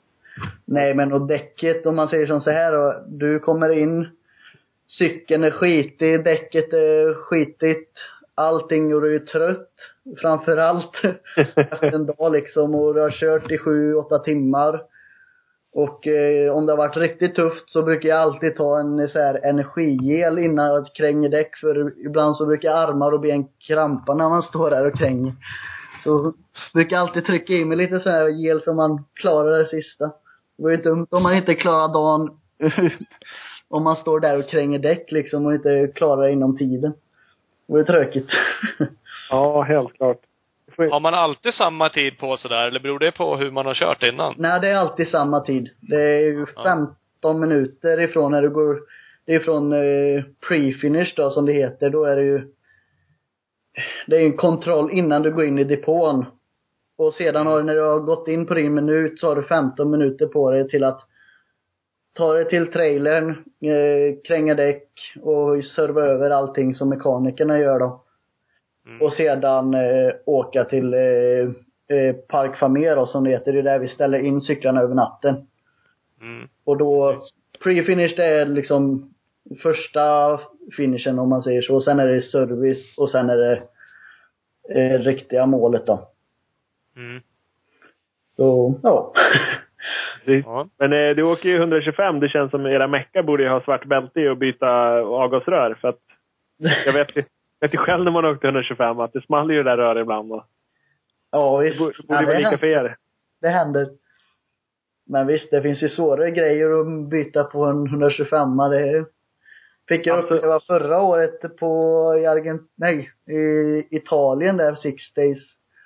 Då, eh, fast nu kunde jag inte få in någon växel utan han låg på tvåan hela tiden. Och då fick jag, på den här sista servicen då, jag tog mig ju dit. Men jag kunde ju, åkte ju på tvåan hela tiden resten av dagen. Det var ju ett varv kvar tror jag. Eh, Så biken mådde nog inte riktigt nice efter det där. Nej men då fick jag ju gå in, mecka och eh, ända in i motorn liksom. Jag vet inte vad det var. Växel, eh, föran eller någonting. Kulissrulle finns det någonting som heter inne tror jag som jag fick byta. Ja. På Och det- Six Days är det annorlunda. Där får du mecka själv mera va? Ja visst, men eh, de, det finns liksom, jag hade ju fortfarande fyra pers som stod och pekade liksom, den skruven, den skruven ska du lossa på.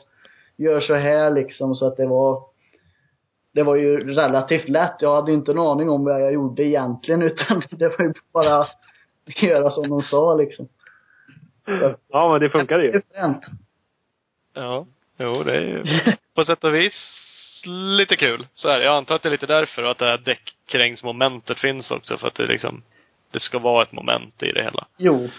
Men det är ju, allting blir ju väldigt mycket lättare, är ju vad folk säger inom enduron. Liksom proverna blir lättare, transporter blir lättare. Du behöver inte meka själv som de gjorde förr liksom och det är därför det är många crossåkare som kan komma till enduro-VM och liksom egentligen kunna vara med och matcha rätt bra redan liksom bara första året och visa att eh, de kanske har eh, någon bra tävling men sen blir det att de får lite ett tillbakaslag kanske någon gång nu när det fallerar på erfarenhet och så. Men det, ja, nej men det är, jag tycker jag är inte direkt den som har, har fallit för crossen om jag säger så. Jag är för, jag tror jag är för snäll om jag ska vara helt ärlig. Här, kör, för- kör förbi. Åk före mig du. Det är lugnt. Det är lite Ja, så.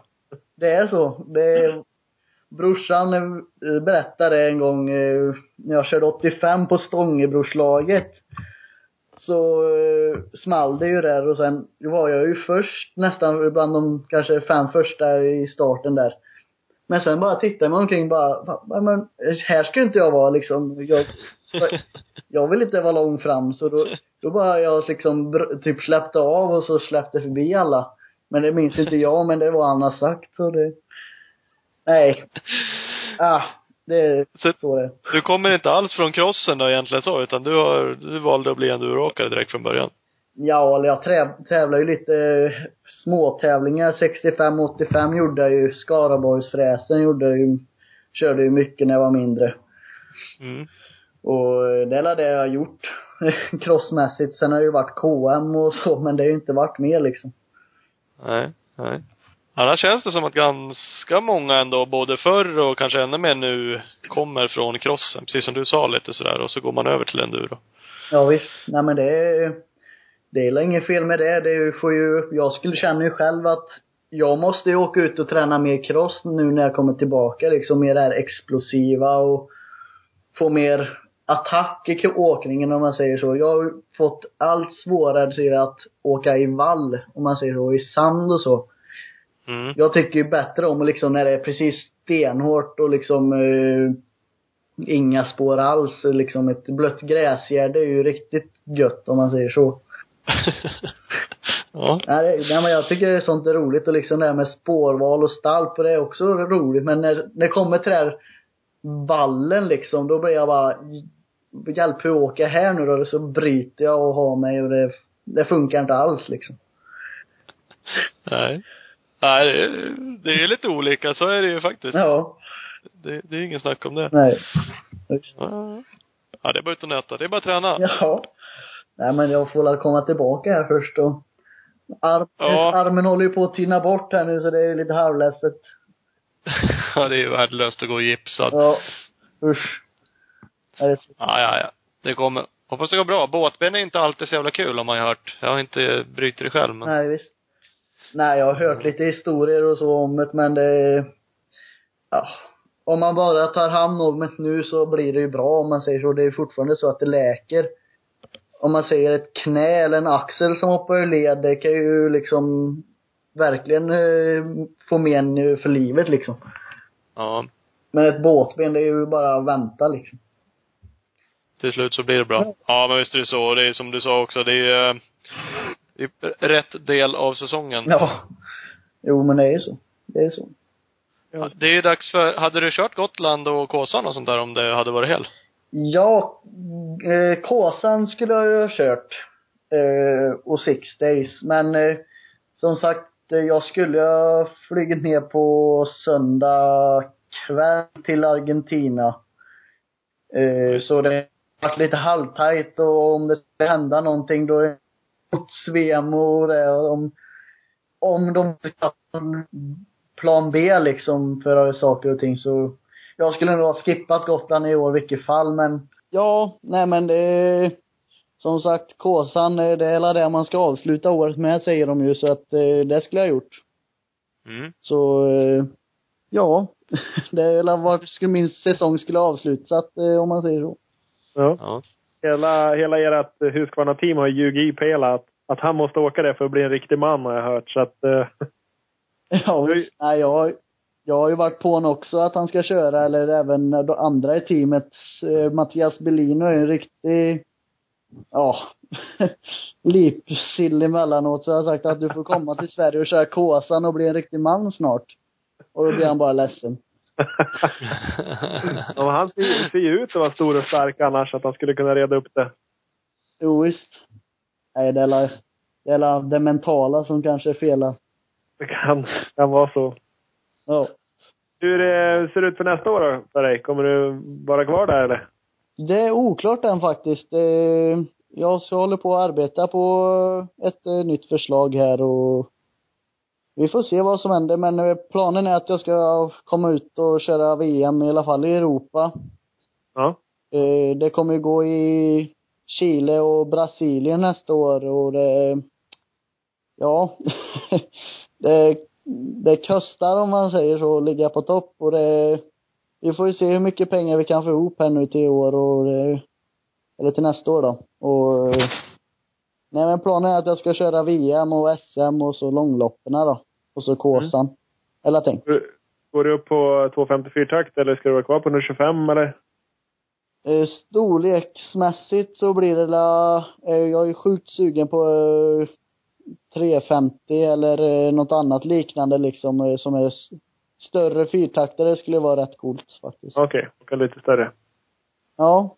Ja, Ja. men det, det tror jag. 450 är lite väl stort eh, för en annan i skogen nu tror jag men jag tror ändå så är en- den åkaren som åk, vill åka storhoj om man säger så. Jag åker det jag är inte den som tokdrar om man säger så utan jag åker ganska så lugnt om jag får säga det själv. Ja. Ja, men då passar det lite bättre med större hoj. Det är ju knepigt, som du sa, att de eh, ska lägga två, två enduro-VM i liksom Sydamerika. Det är inte så många sydamerikanska åkare i toppen, eller eh, knappt med och åker överhuvudtaget. Nej, visst. Precis. Nej, jag, det är ju, det är ju så, men det kanske måste vara något sånt VM även för att det ska bli VM-klassat. Ja, eller jag vet inte, men det, Ja, nej, det kan vara så något. att det är ett världsmästerskap så då, de ville ha en tävling där. Precis. Ja, då hade varit bättre lagt den i Australien där det faktiskt finns folk som åker fort. Ja, visst. Ja, där, är- men de har ju som sagt sin egna serie och det är ju samma i USA så de, de, Ja. USA har de ju GNCC där och i Australien så är det ju, jag vet inte vad det heter, men det är, de har ju sina Ja, har egna ju- serier där så Precis. det, det är inte så lätt att komma in där och köra om man säger så. Nej, det kan väl vara så. De vill vara för sig själva. ja. De vill bara- Men det är ju lite knepigt där. Det är lite som crossen här. Jag förstår ju också att man, ska man kalla det VM så måste man ju köra, kan man inte bara köra runt i Europa. Nej. Eh, Men det blir ju väldigt stora eh, pengar. Och på ställen där det känns som att intresset är rätt så svalt. Både Ja, publikmässigt och med förarunderlag. Ja, precis. Nej men eh, om jag ska vara helt ärlig med det, så när jag var och körde i Chile förra året, då var det ju faktiskt, det var rätt mycket folk ändå vill jag tycka. Och det är ju en som körde i min klass, Benjamin Herrera, han är ju från Chile. Och han är ju, ja, enduroguden där känns det nästan som det är en riktig, han får mycket uppmärksamhet om man säger så i, i Chile. Ja. det finns ju, men det, han, det är la- den enda är typ, Hela Sydamerika. ja men det är, det är, nej men det är typ så. Mm. Det är, det är, det är inte mycket, många som kör därifrån. Men det är inte heller Nej. lätt för dem att komma ut och köra i Europa heller. Då ska ju, de ska ju komma hit också. Så att det, Precis. det är inte så lätt att utvecklas där ute heller. Nej. Nej, nej. så. Så är det Det blir ännu större grej för dem att åka över. Det är inte bara ett race, eller Nej. så. Nej, men det är härligt. Då vet vi lite mer Ja, hur det har gått för dig. Absolut. Det, ehm, vi ska ringa Ljunggren nu också. Se om vad han, vad han har att säga. Ja, vad har han att säga om livet? Precis. ja precis. Stackarn. Han bara glassar i Spanien han, så att vi får, får ta tag i det här nu åt honom. Styr upp det. Ja, han bara glider. Han bara glider. Ja, det är lika Ja, bra. det är Ja, du får vara Ja, på den där lite nu. Ja. Ja, ja det ska vara. Nej, vad kul att vi fick störa dig lite. Att, Ja. det, det är ingen fara, ingen fara. Det var jätteroligt att jag kunde få Ja. vara med. Ja, det är bra. Ja, absolut. Vi kommer nog Läka återkomma. ihop ordentligt nu. Yes. Ja, det ska jag göra. Så får ni ha det så gött. Ja, Detsamma. Du med. Hörs vi. Ja, tack. hej hej. Hej, hej. hej. hej. Framtidslöften. Ja, ja verkligen. De har vunnit eh, Swedish, Swedish Enduro Cup två gånger i rad. Får åka med nummer ett när man åker SM. Det är ganska ball. Jävligt ballt faktiskt. Först, förra året så gjorde han det som junior också. Han vann junior-SM och Swedish Enduro Cup. I år så var han tvåa i sin klass och vann totalt. Det är en märklig kombination, men, eh, men så är Det det. var våra, våran kompis Kvarnström som vann den där klassen. Ja, precis. Kan vi, kan vi claima podcasteffekten där med eller? Ja, det kan vi lätt göra. Så Nu jävla... blir det dock lite motsägelsefullt, fast vi hade inte pratat med Elofsson innan då. Nej. Annars hade det ju varit... känns ju som att han kommer vinna nästa år nu tack vare det. Ja, det är ju klart. Det går inte, man får inte ut något förskott att vara med. Nej, nej, precis. Dessutom en enduro på sig i grund och botten med. Inte, inte ens lite crosskille. Nej, precis. Precis. Det är, Det är bra. ovanligt. Ja, helt klart. Ja, det känns lite ovanligt. Det känns faktiskt som att Ja, det är mer naturligt då i alla fall börja att hamna i crossen när man är yngre. Man börjar liksom inte sladda 80 kubik i skogen direkt från början utan eh, då är man ofta med crossåkare och då är det där man tävlar mer och sen glider över på enduro. Precis. Så är det ju. Men eh, nu framförallt efter de här juniorerna som kommer upp och åker fort så känns det som att mer och mer klubbarna får för sig att köra lite enduroskolor också ihop med crossskolor så att man tidigare kan börja åka, ja, bara liksom rikta in sig på enduro. Mm. Ja, men det är bra. Ja, helt klart. Eh, ja, vi ska eh, hålla nere vårt egna chatter tror jag. Så vi får ihop det någon gång. Precis. Eh, vi ska ju prata med Ljunggren också. Han är ju på väg hem från Spanien, eller har väl typ precis landat som det verkar. Ja, ser. Eh, nu på, eh, vad är vi, onsdagskvällen. Jag hugger vi han direkt. Ja, det är okej. Hallå! Ja, tjena! Thomas och Ola här. Tjena, tjena. Tjena, läget? Har du kommit hem från Spanien? Yes, jag kom hem för ja, en timme sedan ungefär. Så. Ja, nu är jag på hemmaplan igen. Ja, och det är skönt, eller inte? Ja, både och. Det, är väl, det har varit väldigt bra där och lite, ja, typ semester kan man väl säga. Men eh, nej, det är gött att komma hem. Det är snart Kåsan och ja, måste hem och förbereda för det. Ja, det är lite så. Men visst är Spanien lite hemma för dig också va? Har du hus och bor där lite till och från också, eller hur?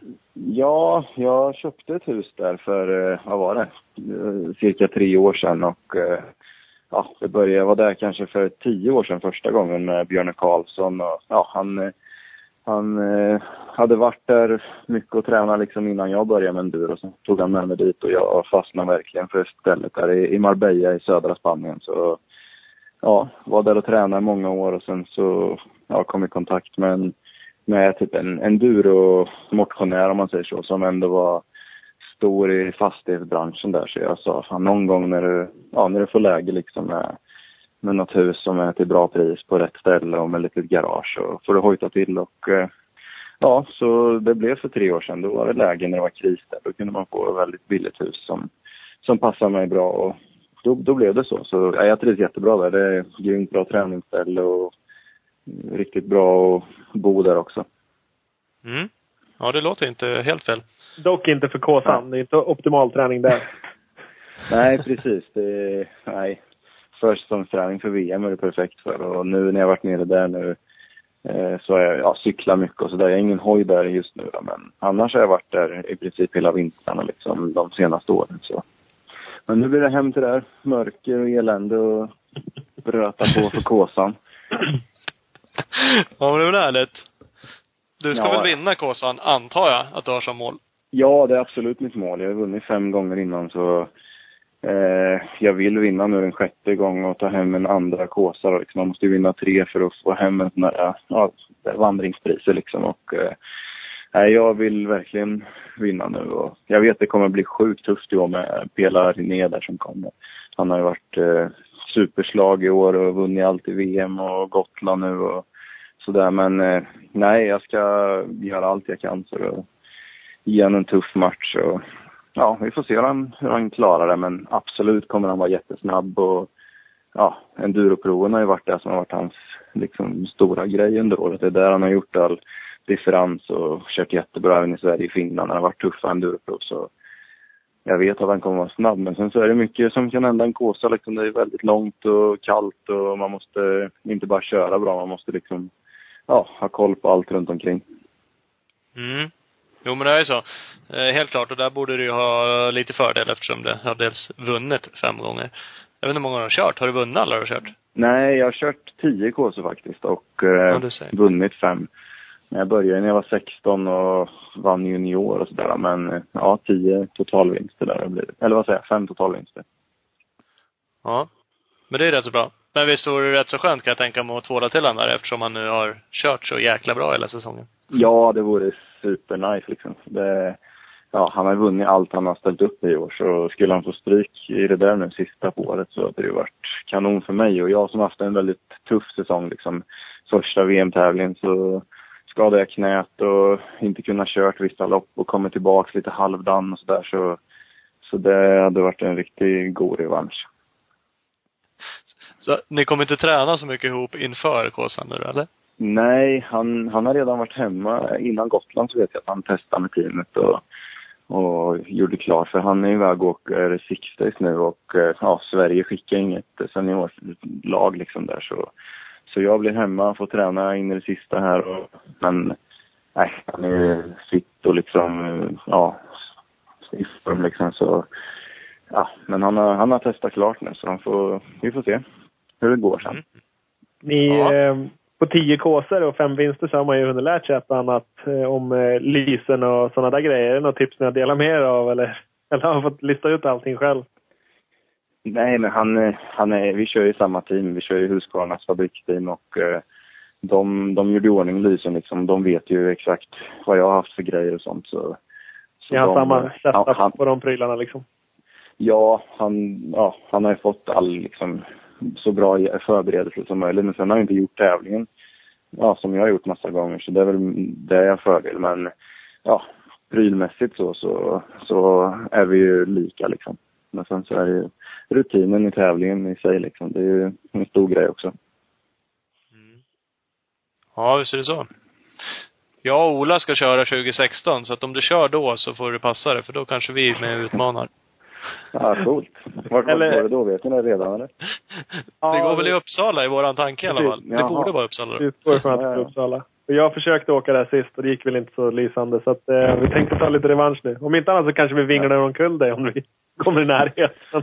Perfekt. Ja, vad kul. Nej, Uppsala var sjukt tuff, kommer jag ihåg. Jag blev tvåa där efter Mats Nilsson. Jag körde där, vad var det, kanske fem år sedan eller något. Sex år sedan Ja, kanske. 06. Det är väl eh, nio Ja. år sedan. Eller åtta år sedan nu. Ja, ja, precis. Är det. Du ser. Eh, Ja, nej, då var han starkare. Jag ledde efter dagen, men sen så spöade han mig på natten, den fegubben, vet du. Så, ja, så är det. Den jäveln. Ja, Ja. så är det. kan det vara. Så du var hem och drog eh, enduro-SM i Söderhamn med. Ja, jag hoppade in i finalen där eftersom eh, ja, planen med året var att jag skulle köra spanska mästerskapet och, och VM liksom. Men sen så blev det lite eh, kass med båda. Jag missade med spanska och missade med VM så, så då var det kul att liksom hoppa in i sista SM i alla fall. Och, och det gick bra. Det, det, det är alltid kul att komma hem och köra, köra SM och ja, träffa polare och, och jag trivs ju i svensk poäng så nej, det var kul. Ja, Det verkar ha gått bra. Typ 33 gånger i rad har det väl gått bra ungefär. Ja, ja det är ett eh, bra rekord där. Så alltså. varje gång kommer man närmare att någon ska slå en, men eh, nej, jag ska hänga i så länge det bara går där. Och, nej, det är ju ja, ett rätt sjukt rekord att, eh, att man liksom har varit frisk och att man inte har kört sönder hojen eller något när man har ställt upp. Så det, ja, det är kul. Det är ju jäkligt häftigt. För det är det är som du säger, det finns ju rätt mycket som kan hända. Nog för att du är snabb och kanske snabbare, men det är inte bara det som Nej, nej visst. Det är ju jättelätt att köra av en kedja eller vad som helst kan hända. Så, nej, ja det, eller bara det transporten, transporten som var i Söderhamn på slutet så var det ett jävla stenrös. Bara ett felstuds där så har man krökt en bromsskiva och tappar, ja, kan tappa en hel del. Eller ja, mycket som kan hända. Kan slå sönder kåpan på hojen eller vad som helst. Ja, absolut. Nej, så Sådana grejer. Ja, nej, det, nej, det är bra. Ja. Du, eh, och bytte klass där till, eh, du åkte 450 fyrtakt helt plötsligt. ja, jag har varit, eh, jag, jag har kört 302-takt i, i fyra år snart så, så ja, när det blev så här kasssäsong med knät och allt så, så nej, ville jag prova något nytt så då, då fick jag chansen eftersom Berlin också var skadad eh, inför sista racen där så fick jag ja, ta hans 500 fyrtaktare på en, ja, det är typ S, näst sista SM jag körde där och VM-finalen i Frankrike och sen så jag tänkte att vi skulle köra på 450 i Kåsan så då gjorde vi om den hojen till, ja så att den var 450 då så. Så den, eh, nej det var kul. Jag, alla hojar har för och nackdelar sådär men det, det viktigaste är liksom att man tycker det är kul och liksom göra något nytt och det, det var det verkligen så. Och det gick ju bra med hojen liksom så, nej, jag är jättenöjd. Och, så det blir 450 och köra den på Kåsan och sen får vi se vad det blir vidare sen. Ja, du har, Ja. har inga klara papper till nästa år eller? Nej, inte helt. Jag håller på för fullt just nu faktiskt och, och kollar runt vad det, vad det blir för något nästa år. Eh, inget klart än men eh, eh, ja, vi får se. Det enda jag vet är att eh, Husqvarnas fabriksteam för enduro-VM där eh, kommer inte köra i för de, eh, nej, de har dragit ner väldigt på enduro igen. De ska ha från åtta fabriksförare som det var i år så ska det bara vara fyra nu nästa år och eh, Ja, och eh, mitt kontrakt går ut och det var tre som hade kontrakt kvar där så det fanns egentligen en plats kvar bara och den var en E1-åkare de vill ha. Det är väl inte riktigt det jag passar bäst för liksom. att köra liten hoj så tyvärr så blev det så men det kan vara kul med lite ja, ombyte liksom så så vi får se vad det blir nästa år men det, det ska bli kul att göra något lite annat. Precis, du, Mm. du har ingen aning om vart du lutar och tänker du försöka fortsätta åka enduro-VM eller ska du sikta mer på extremtävlingar eh, tävlingar, eller?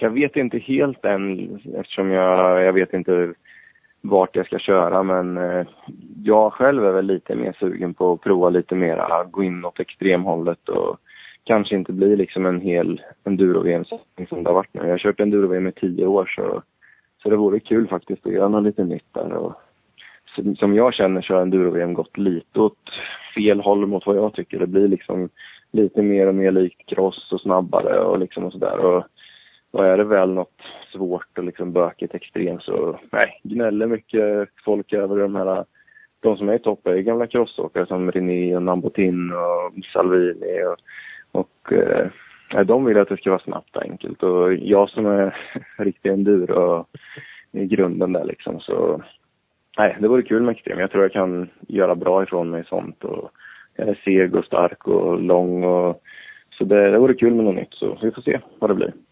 Mm, men det är mera typ som eh, ja, Ertsberg och, och sådana race? Eh, Ja. Inte, inte så mycket inomhus eller? Jag, jag tycker det är skitkul med endurocross eller superenduro, det inomhusracen också. Så jag vill köra sånt och eh, nej, ja typ prova på lite Ertsberg och, och absolut de här Battle of Vikings och sånt där som går i Sverige. Det, så, ja, det är sånt jag vill testa lite mer. Sen får vi se ja, vad det blir utöver det. Ja, precis. Du har aldrig åkt Ertsberg? Nej, det har jag inte gjort. Eh, Jag provade på Romaniac, så, men aldrig Älvsborg faktiskt. Så jag tror det, det, kan, ja, det kan passa bra. Det är en tuff bana liksom och eh, ja, inte jättelångt race liksom, inte massa GPS utan det är liksom mer som en snickrad bana som är jäkligt tuff. Och jag tror det kan, skulle kunna passa bra för mig. Så det skulle vara kul att prova lite sådana race. Mm. Kul. Är det rätt ord? Nej. Ja. Det ser rätt är extrem ut. Jag skulle faktiskt också vilja prova det. Jag skulle aldrig ta mig runt den banan, men ehm, eh, det vore häftigt. Det ser ut som ett sjukt jävla roligt eh, evenemang liksom. Ja. Absolut, ja, det har jag hört runt om det. Det är ju en riktig jäkla folkfest och kul evenemang som du säger. Och, ja, jag tycker, jag tror sånt där kommer växa mer och mer. Och det jag har hört bara från polare och sponsorer runt omkring dem, när de har varit och kollat typ på tävlingen Battle of Vikings, då, de tycker det är skitkul att kolla på när man liksom, de ser vem som leder hela tiden och man får problem, man kör omvarvade och ja, man ser mycket av banan liksom. Och sen enduro-VM, det är väl Eh, Det är coolt i sig verkligen men eh, det är svårt att följa som publik så jag tror att det blir mer och mer faktiskt extrem eftersom ja, det är lättare att följa och bättre för media och allting. Mm. Ja, absolut. Det är, så är det. Det är ju svinhäftigt att titta på. Det är jäkligt publikvänligt. Absolut. Både de som är extremt duktiga och så är det ju faktiskt rätt publikvänligt de som är rätt så dåliga också. Ja, Om man nu, om man nu får vara sån. Precis, ja det händer ju lite grejer i alla fall så det, det är kul. Ja, men det gör ju verkligen det. Ja, ja, nej men vi får eh, hoppas det blir något bra då som, som sagt. Är det klart med någon sån här inomhus-VM-säsong? Det känns som det är lite svajigt varje år. Det Ja, ja det är lite här, Det, det problemet är eh, vad jag än kommer köra nu så en tävling är ju innan nyår. Den första racet är i december i Polen och sen så är det ju i januari som drar det igång så vi får se om det blir hela serien men jag skulle tippa på vad jag än kör så kommer jag säkert köra eh, ja, den som är i Finland eller eh, det är någon i Tyskland också så där, eh, i januari där så. Det är jag jäkligt Mm. sugen på att vara med på men ja, det är svårt att ja, eftersom jag är kontrakterad med Husqvarna där fram till, fram till nyår. Mm. Ja, jo det är klart. Så, ja, vi får se vad som händer. Något eh, skoj får det bli. Något skoj för att bli. Mm. Du sa själv att du var en riktig enduro-kille, men kommer inte du lite från crossen också? Lite mer från crossen i grunden eller? Jag, vet, jag körde väl, fram tills jag var 17, 18 där så körde jag ju liksom både och fullt ut. Just när jag var liten körde jag väl egentligen mer cross men, men man körde ju alltid, farsan tävlade enduro, enduro-SM och kört massa kurser och sånt där och eh, så jag tränar jämt mycket enduro hemma men sen när jag började tävla mycket när jag var typ 9-10 år så då var det mest crosstävlingar vi åkte runt på oss där. Men sen Mm. så ja, har jag alltid kört de här lokala endurotävlingarna här omkring och liksom jag har kört båda hela tiden. Men sen så när man var 16 där när jag började köra JSM i enduro och sen körde jag JSM i cross också då jag vann ju både cross och enduro JSM men det gick ju betydligt lättare att vinna i enduro och eh, ja, och sen när jag provade något VM där så gick det ju helt okej liksom och så då blev det, man fick ju välja och då blev det enduro och direkt när jag gick ur skolan där så fick jag faktiskt kontrakt med med Husaberg där för att köra enduro på heltid. Då, då fick crossen gå åt sidan lite och ja, jag tränar cross lite då och då men det ja, blev lite för dåligt liksom. Man skulle ha hängt i lite mer med det faktiskt för alla fall för enduro-VM, det är väldigt crosslikt många gånger. Mm, jo det är som du säger, om man säger det, det är mycket eh, folk som går över från crossen nu till enduro och faktiskt gör det ganska bra. Ja. Eh, och det beror väl antagligen på, som du säger, att det är lite enklare prov då kanske. Snabbare och inte så Ja, enduro-köttet ja precis. liksom. Visst är det så. Så det är inga, ambitioner med andra ord att hoppa tillbaks. Köra cross-SM eller något sånt där. Det hade varit kul. Jag är skitsugen faktiskt på... Man blir sådär, det, det man inte håller på med blir man jäkligt sugen. När jag har kört, eh, ja, så jag- det är inte omöjligt att bara för kul liksom prova att göra något inhopp någon gång. Det beror på, beror på vad man kör för, ja, vad man har för planering liksom under året. Men, men det vore kul att göra något inhopp igen liksom, bara för skojs skull och för träningss skull liksom. Mm. Ja, ja, det vore alltid kul. Det är kul när folk eh, hoppar lite sådär. Det är som att hoppa mellan klasser också när, när förare gör både i cross och enduro lite sådär. Ja, precis. Förändringen är ju rolig även för oss som tittar. Annars känns det ju som att du valde ganska bra enduron. Alltså dels var du ju såklart skitduktig på det, eller har ju varit, eller är. Eh, Ja, men- du har ju även fått en, en rätt så bra karriär inom det, gissar jag. Eh, Ja, jag vet inte om du absolut. tjänar miljontals med kronor, men det känns som att du ändå har kunnat hålla på med liksom, och vara proffs. Eh, Ja, nej det har gått jättebra. Det, är ju, det var, just när jag skrev på Fusaberg där typ 05 var det, då började det lite tungt. Jag, eller det började jättebra. Första tävlingen för dem så totalvann jag SM första gången jag gjorde det. Och sen så skulle jag åka och köra en supercross-tävling i Grekland bara för jag var ju fortfarande lite cross då kände jag liksom. ja. Drog dit och, ja det var ju skitkul liksom. Jag fick eh, bli, ja, bjuden av Husaberg, Grekland var det faktiskt. Skulle köra supercross i Aten där och eh, det var ju skitfränt för mig tyckte jag. Och sen så drog dit och tävlade mot de här många supercrossproffs liksom och, nej det var ju svårt men det gick ändå bra så jag kvalade in till kvällens tävlingar och sånt där men, eh, men sen i racet så, ja, sket det sig. Det, det bröt ju handleden rätt illa så båtben och månben var och ur led och Nej, så den säsongen gick ju riktigt eh, illa där. Jag, jag var ju skitsugen där på första året i junior-VM och visa att man kunde köra bra där. Men det blev ju bara att jag kunde köra de två sista tävlingarna på året för jag var gipsad i sex, sju månader. Och Ja. eh, ja, så det var grymt segt. Men det gick ju bra. Jag kom tillbaka till junior-VM i Finland där det året och vann den tävlingen faktiskt. Och då fick jag förlängt kontrakt och sen så, nej, sen så har det gått jättebra. Då vann jag junior-VM de två kommande åren, 06, 07 och sen så, ja, åren efter så har jag antingen varit på pallen eller precis utanför liksom i, ja, de senaste åren. Förutom det här året när jag skadade mig första race och haft, eh, nej, tungt år så, nej, det har rullat på jättebra, det tycker jag. Mm, ja, jo, det får man ju verkligen lov att säga. Eh, och det är ju riktigt kul. Eh, Gotland, där var du inte med och drog. Nej, jag, jag, vet, jag provade Gotland två gånger. Jag körde, när var det, typ 04 en gång. Eh, var lite rookie då, men ja, tog starten och ledde en stund. Sen blev jag jäkligt trött bara, men jag vet inte vad jag blev. Sexa, sju, åtta där någonstans rullade jag in på. Så det var väl eh, okej, men lite för trött. Och sen så 09 tror jag det var, då skulle jag ju, när man var i slag, liksom visa att, eh, att jag kanske är bra där. Men sen så jag bommade starten och efter det, det var riktigt skitigt det året. Och sen så jag, vet, jag låg trea och sen så drog jag en riktig krasch på kalkstenen och körde sönder gasrullen. Så det var bara splitter av den. Och, och då nej, blev det ingen bra idé. Och sen så, nej jag vet jag är jämt mer på Kåsan. Jag tycker det är liksom eh, mer mitt lopp och en stor grej för, för mig och, och Gotland, det är, det är så jäkla olika träning tycker jag för det Gotland. Då ska man köra sådana här långpass, liksom stalp och ja, och Kåsan är ja, mörker och lysen och bök och kärr och inte riktigt samma grej. Så jag, jag är mer fokuserad på Kåsan och då är det, det är svårt. Ska man göra en grej bra så, så är det svårt att ja, köra båda där liksom. Så då har jag valt bort Gotland faktiskt. Det är därför. Mm. Ja, det är lite annat. Alltså man brukar ju, eller vi brukar säga i alla fall, lite mer långcross.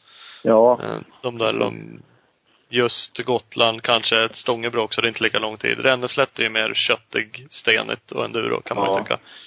Eh, möjligtvis då. Precis. Nej, så det, det är ju jäkla skillnad mot Kåsan faktiskt och eh, ja, jag brukar, när, Gotland är det då typ jag brukar börja förbereda mig för Kåsan och börja testa och hålla på inför det. Så det är därför det, det blir lite mycket och jag har kört så jäkla mycket hela åren med inomhus-VM på vintrarna, sen försäsong inför VM liksom.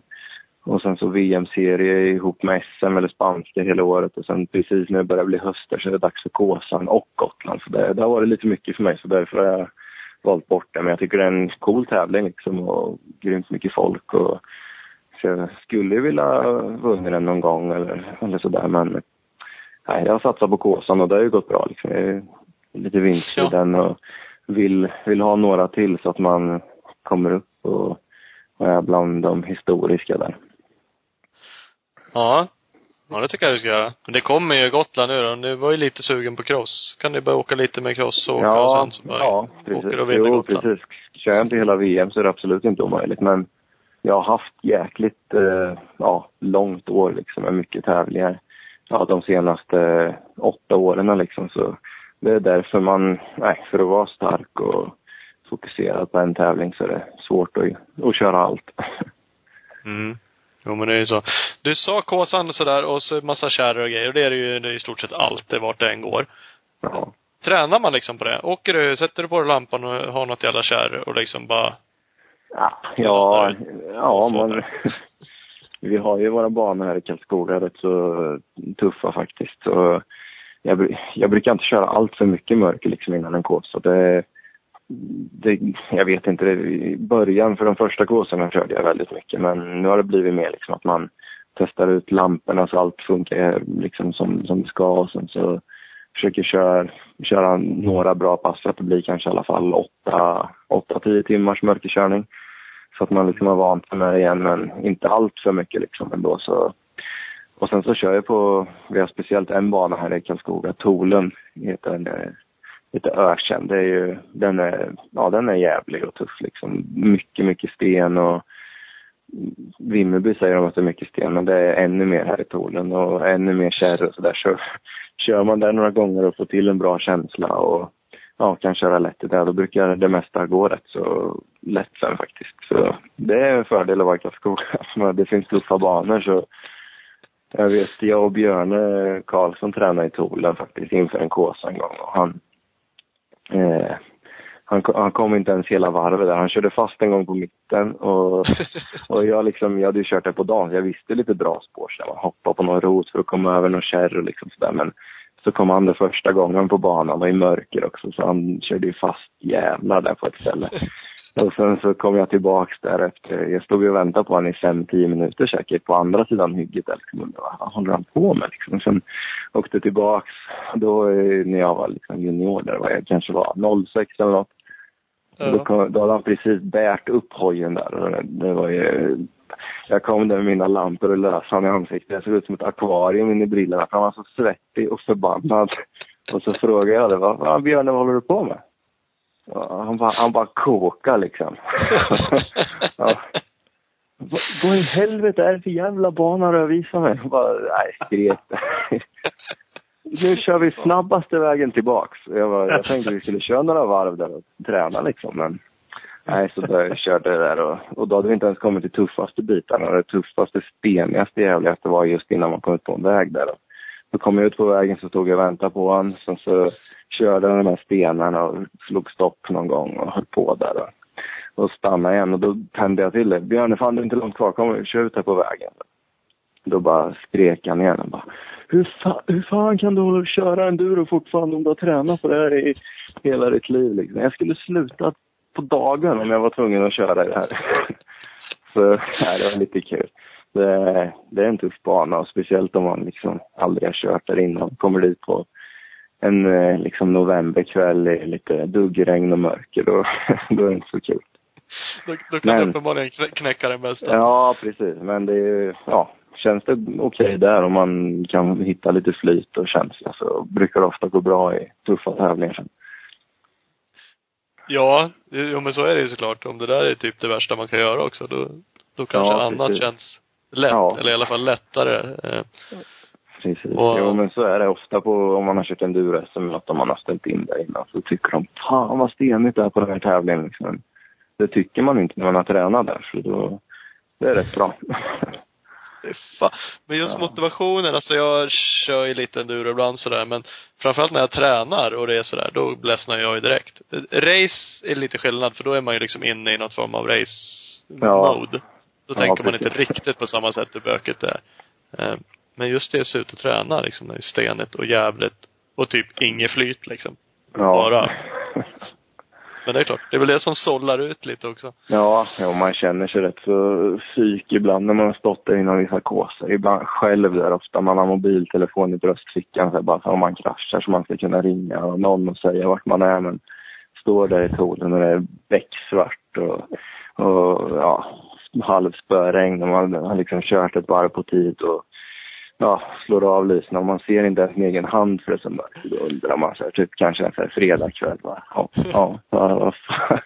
Ja, man är rätt så dum i huvudet. Andra polare liksom sitter på något fik och tar någon bira och har det gött där. Men ja, då står man där ibland och förbereder sig för kåsan. Men, så kan det vara. Ja. Ja. Ja, jo så kan det vara. Det är klart, när man har vunnit fem gånger sen då, då kanske det ändå är rätt så skön känsla. Ja, jo, jo. Jag vet inte faktiskt. Jo, det är just några dagar efteråt kanske det är kul. Men, men egentligen på den tävlingen så är det ju från att man, när man börjar hålla på så undrar man, nej varför vad har jag gett mig in på? Och, man, och verkligen det värsta liksom är ju typ två dagar innan man står och packar alla kläder och håller på med sportdrycker och ja, fixar allt och bilar och ska lastas och allt kläder till allt och alla folk liksom, då undrar man, ja, man spyr på det liksom så. Man är, Är vet inte varför. Ja, jag vet. Ja, är det värt det? Ja, det frågar man sig. Det frågar man sig hela tävlingen också, när man har gått i mål också, när man har ont och sådär. Men det är ju, ja, några dagar efteråt, då känns det bra om man har vunnit. Ja, Ja. det är det. Så det ja, det är ett speciellt race, men det ligger lite i släkten. Farsan har kört tio tävlingar och han brinner för det där och så det, nej, det, är, det är kul ändå, får man intala sig. Ja, jo man får ju göra det. Men som Ja. sagt, det är lätt att undra ibland. Fan, kan det vara värt det här? Ja, Nej, nej men det är häftigt. ja. Helt klart. För, eh, åter bara till Cherry igen så alltså finns det någon Håller du på att fiska tjuvtips nu när du ska inför det 16? Ja, men, ja men det är ju- ja precis. Ja men det är ju så här, jag, jag kan ju också ibland, alltså jag är ju hyfsad på att åka hoj liksom. Och kollar man eh, Kåsan, filmer och Gotland också. Man ser ju vilka som är, alltså de som är riktigt dåliga har ju jättesvårt att köra genom en vattenpöl. Eh, och det kanske jag klarar av. Eh, men det, det är ändå inte helt lätt att komma fram till ett sådant här ställe och så bara bestämma sig för att det är vart man ska köra. Eller taktik, hur, hur man liksom gör. Ja. T- tänker du på något sätt liksom? Eller är det bara, är det bara känsla och fart?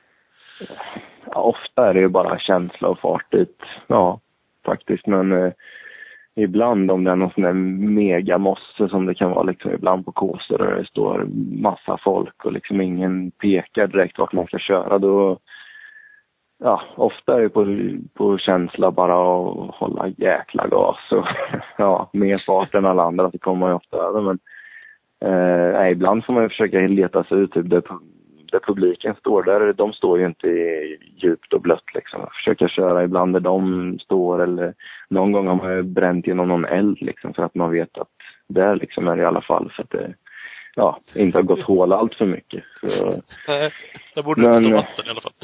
nej, precis. Så, nej, men det är ju mest är ju känslan och liksom lita på det så. Förra året faktiskt i Kåsan körde jag fast eh, en av mina värre fastkörningar fast det var en re- relativt liksom lätt Kåsa.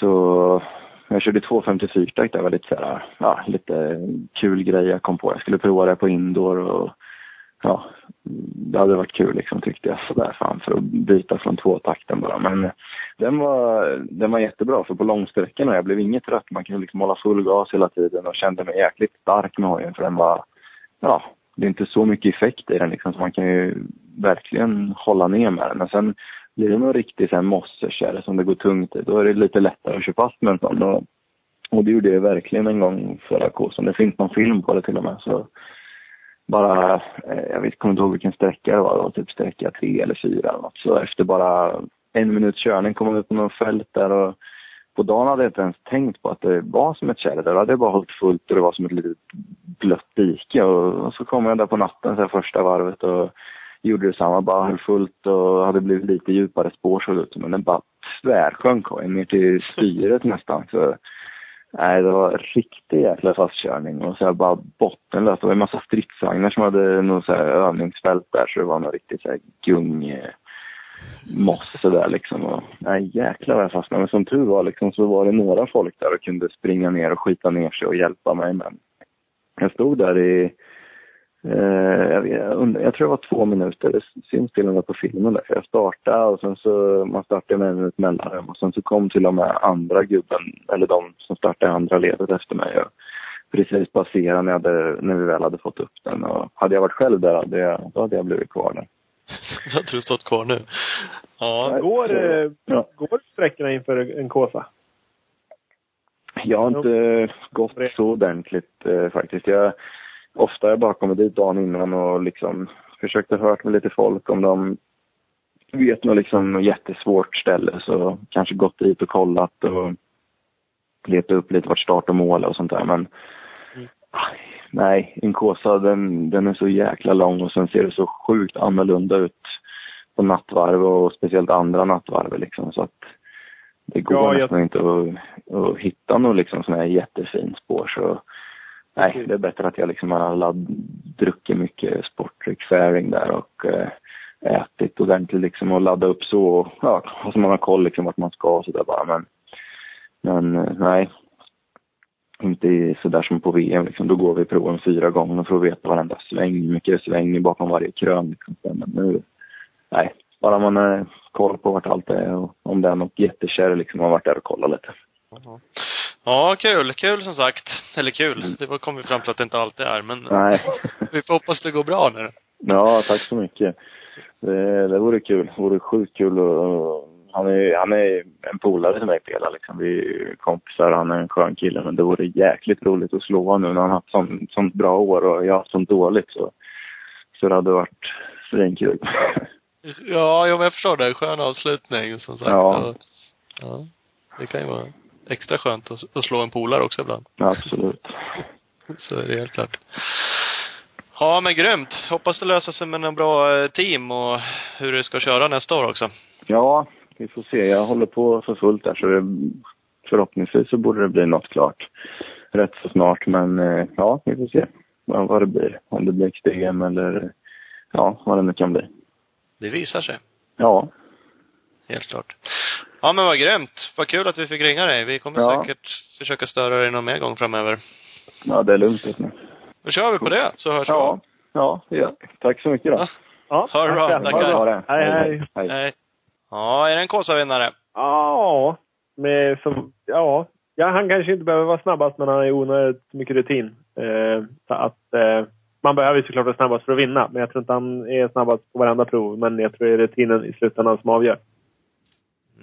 Jag tror att, eh, nu har jag inte kört någon Kåsa, men som sagt, ju längre lopp det blir och nattsetapper och allt vad det är, det känns som att det är ännu mer rutin som avgör. Precis, absolut. Eh, Men det är klart, Pela visar ju verkligen vilken supertalang han är, hur fort han kör. Han kan åka hoj helt och hållet, absolut inget snack om det. Men det är ja, huvudet, att ha psyket med sig när det är som tyngst och jävligast. Och, ja, jag vet inte. Det är inte så jävla roligt jämt när man står där ute och gröpar. Och men just då kunna bita ihop och fortsätta. Ja, precis. Faktiskt. Fan. Mm. Ja, så är det. Ja, Ja, ja. Enduro special. ja lång jävel då. Ja, verkligen. Eh, men eh, det är väl härligt. Det är, det är kanon faktiskt. Så att det, det är långt nog. Vi kanske bara helt enkelt avslutar. Ja, tips om man, någon vill kolla på hur man känner sig när man åker Kåsan. Om man söker på Finne på Novemberkåsan 2006 på Youtube så um, får man upp ett klipp där. En kille som inte alls tycker det är så speciellt roligt att åka motorcykel längre. Det kan du ha. Han verkar... Eh, ja, precis. Han verkar helt klart besviken just Ja, då. Vad han håller på med. Han hade nog hellre velat, velat lägga hem och dricka någon pilsner kolla TV eller någonting. verkligen. Ja, så är det. Så är det, så är det. Ja, men vad bra. Vi kör på det Ola, så hörs vi. Yes, tack för idag. Hej, hej, hej. Hej, hej.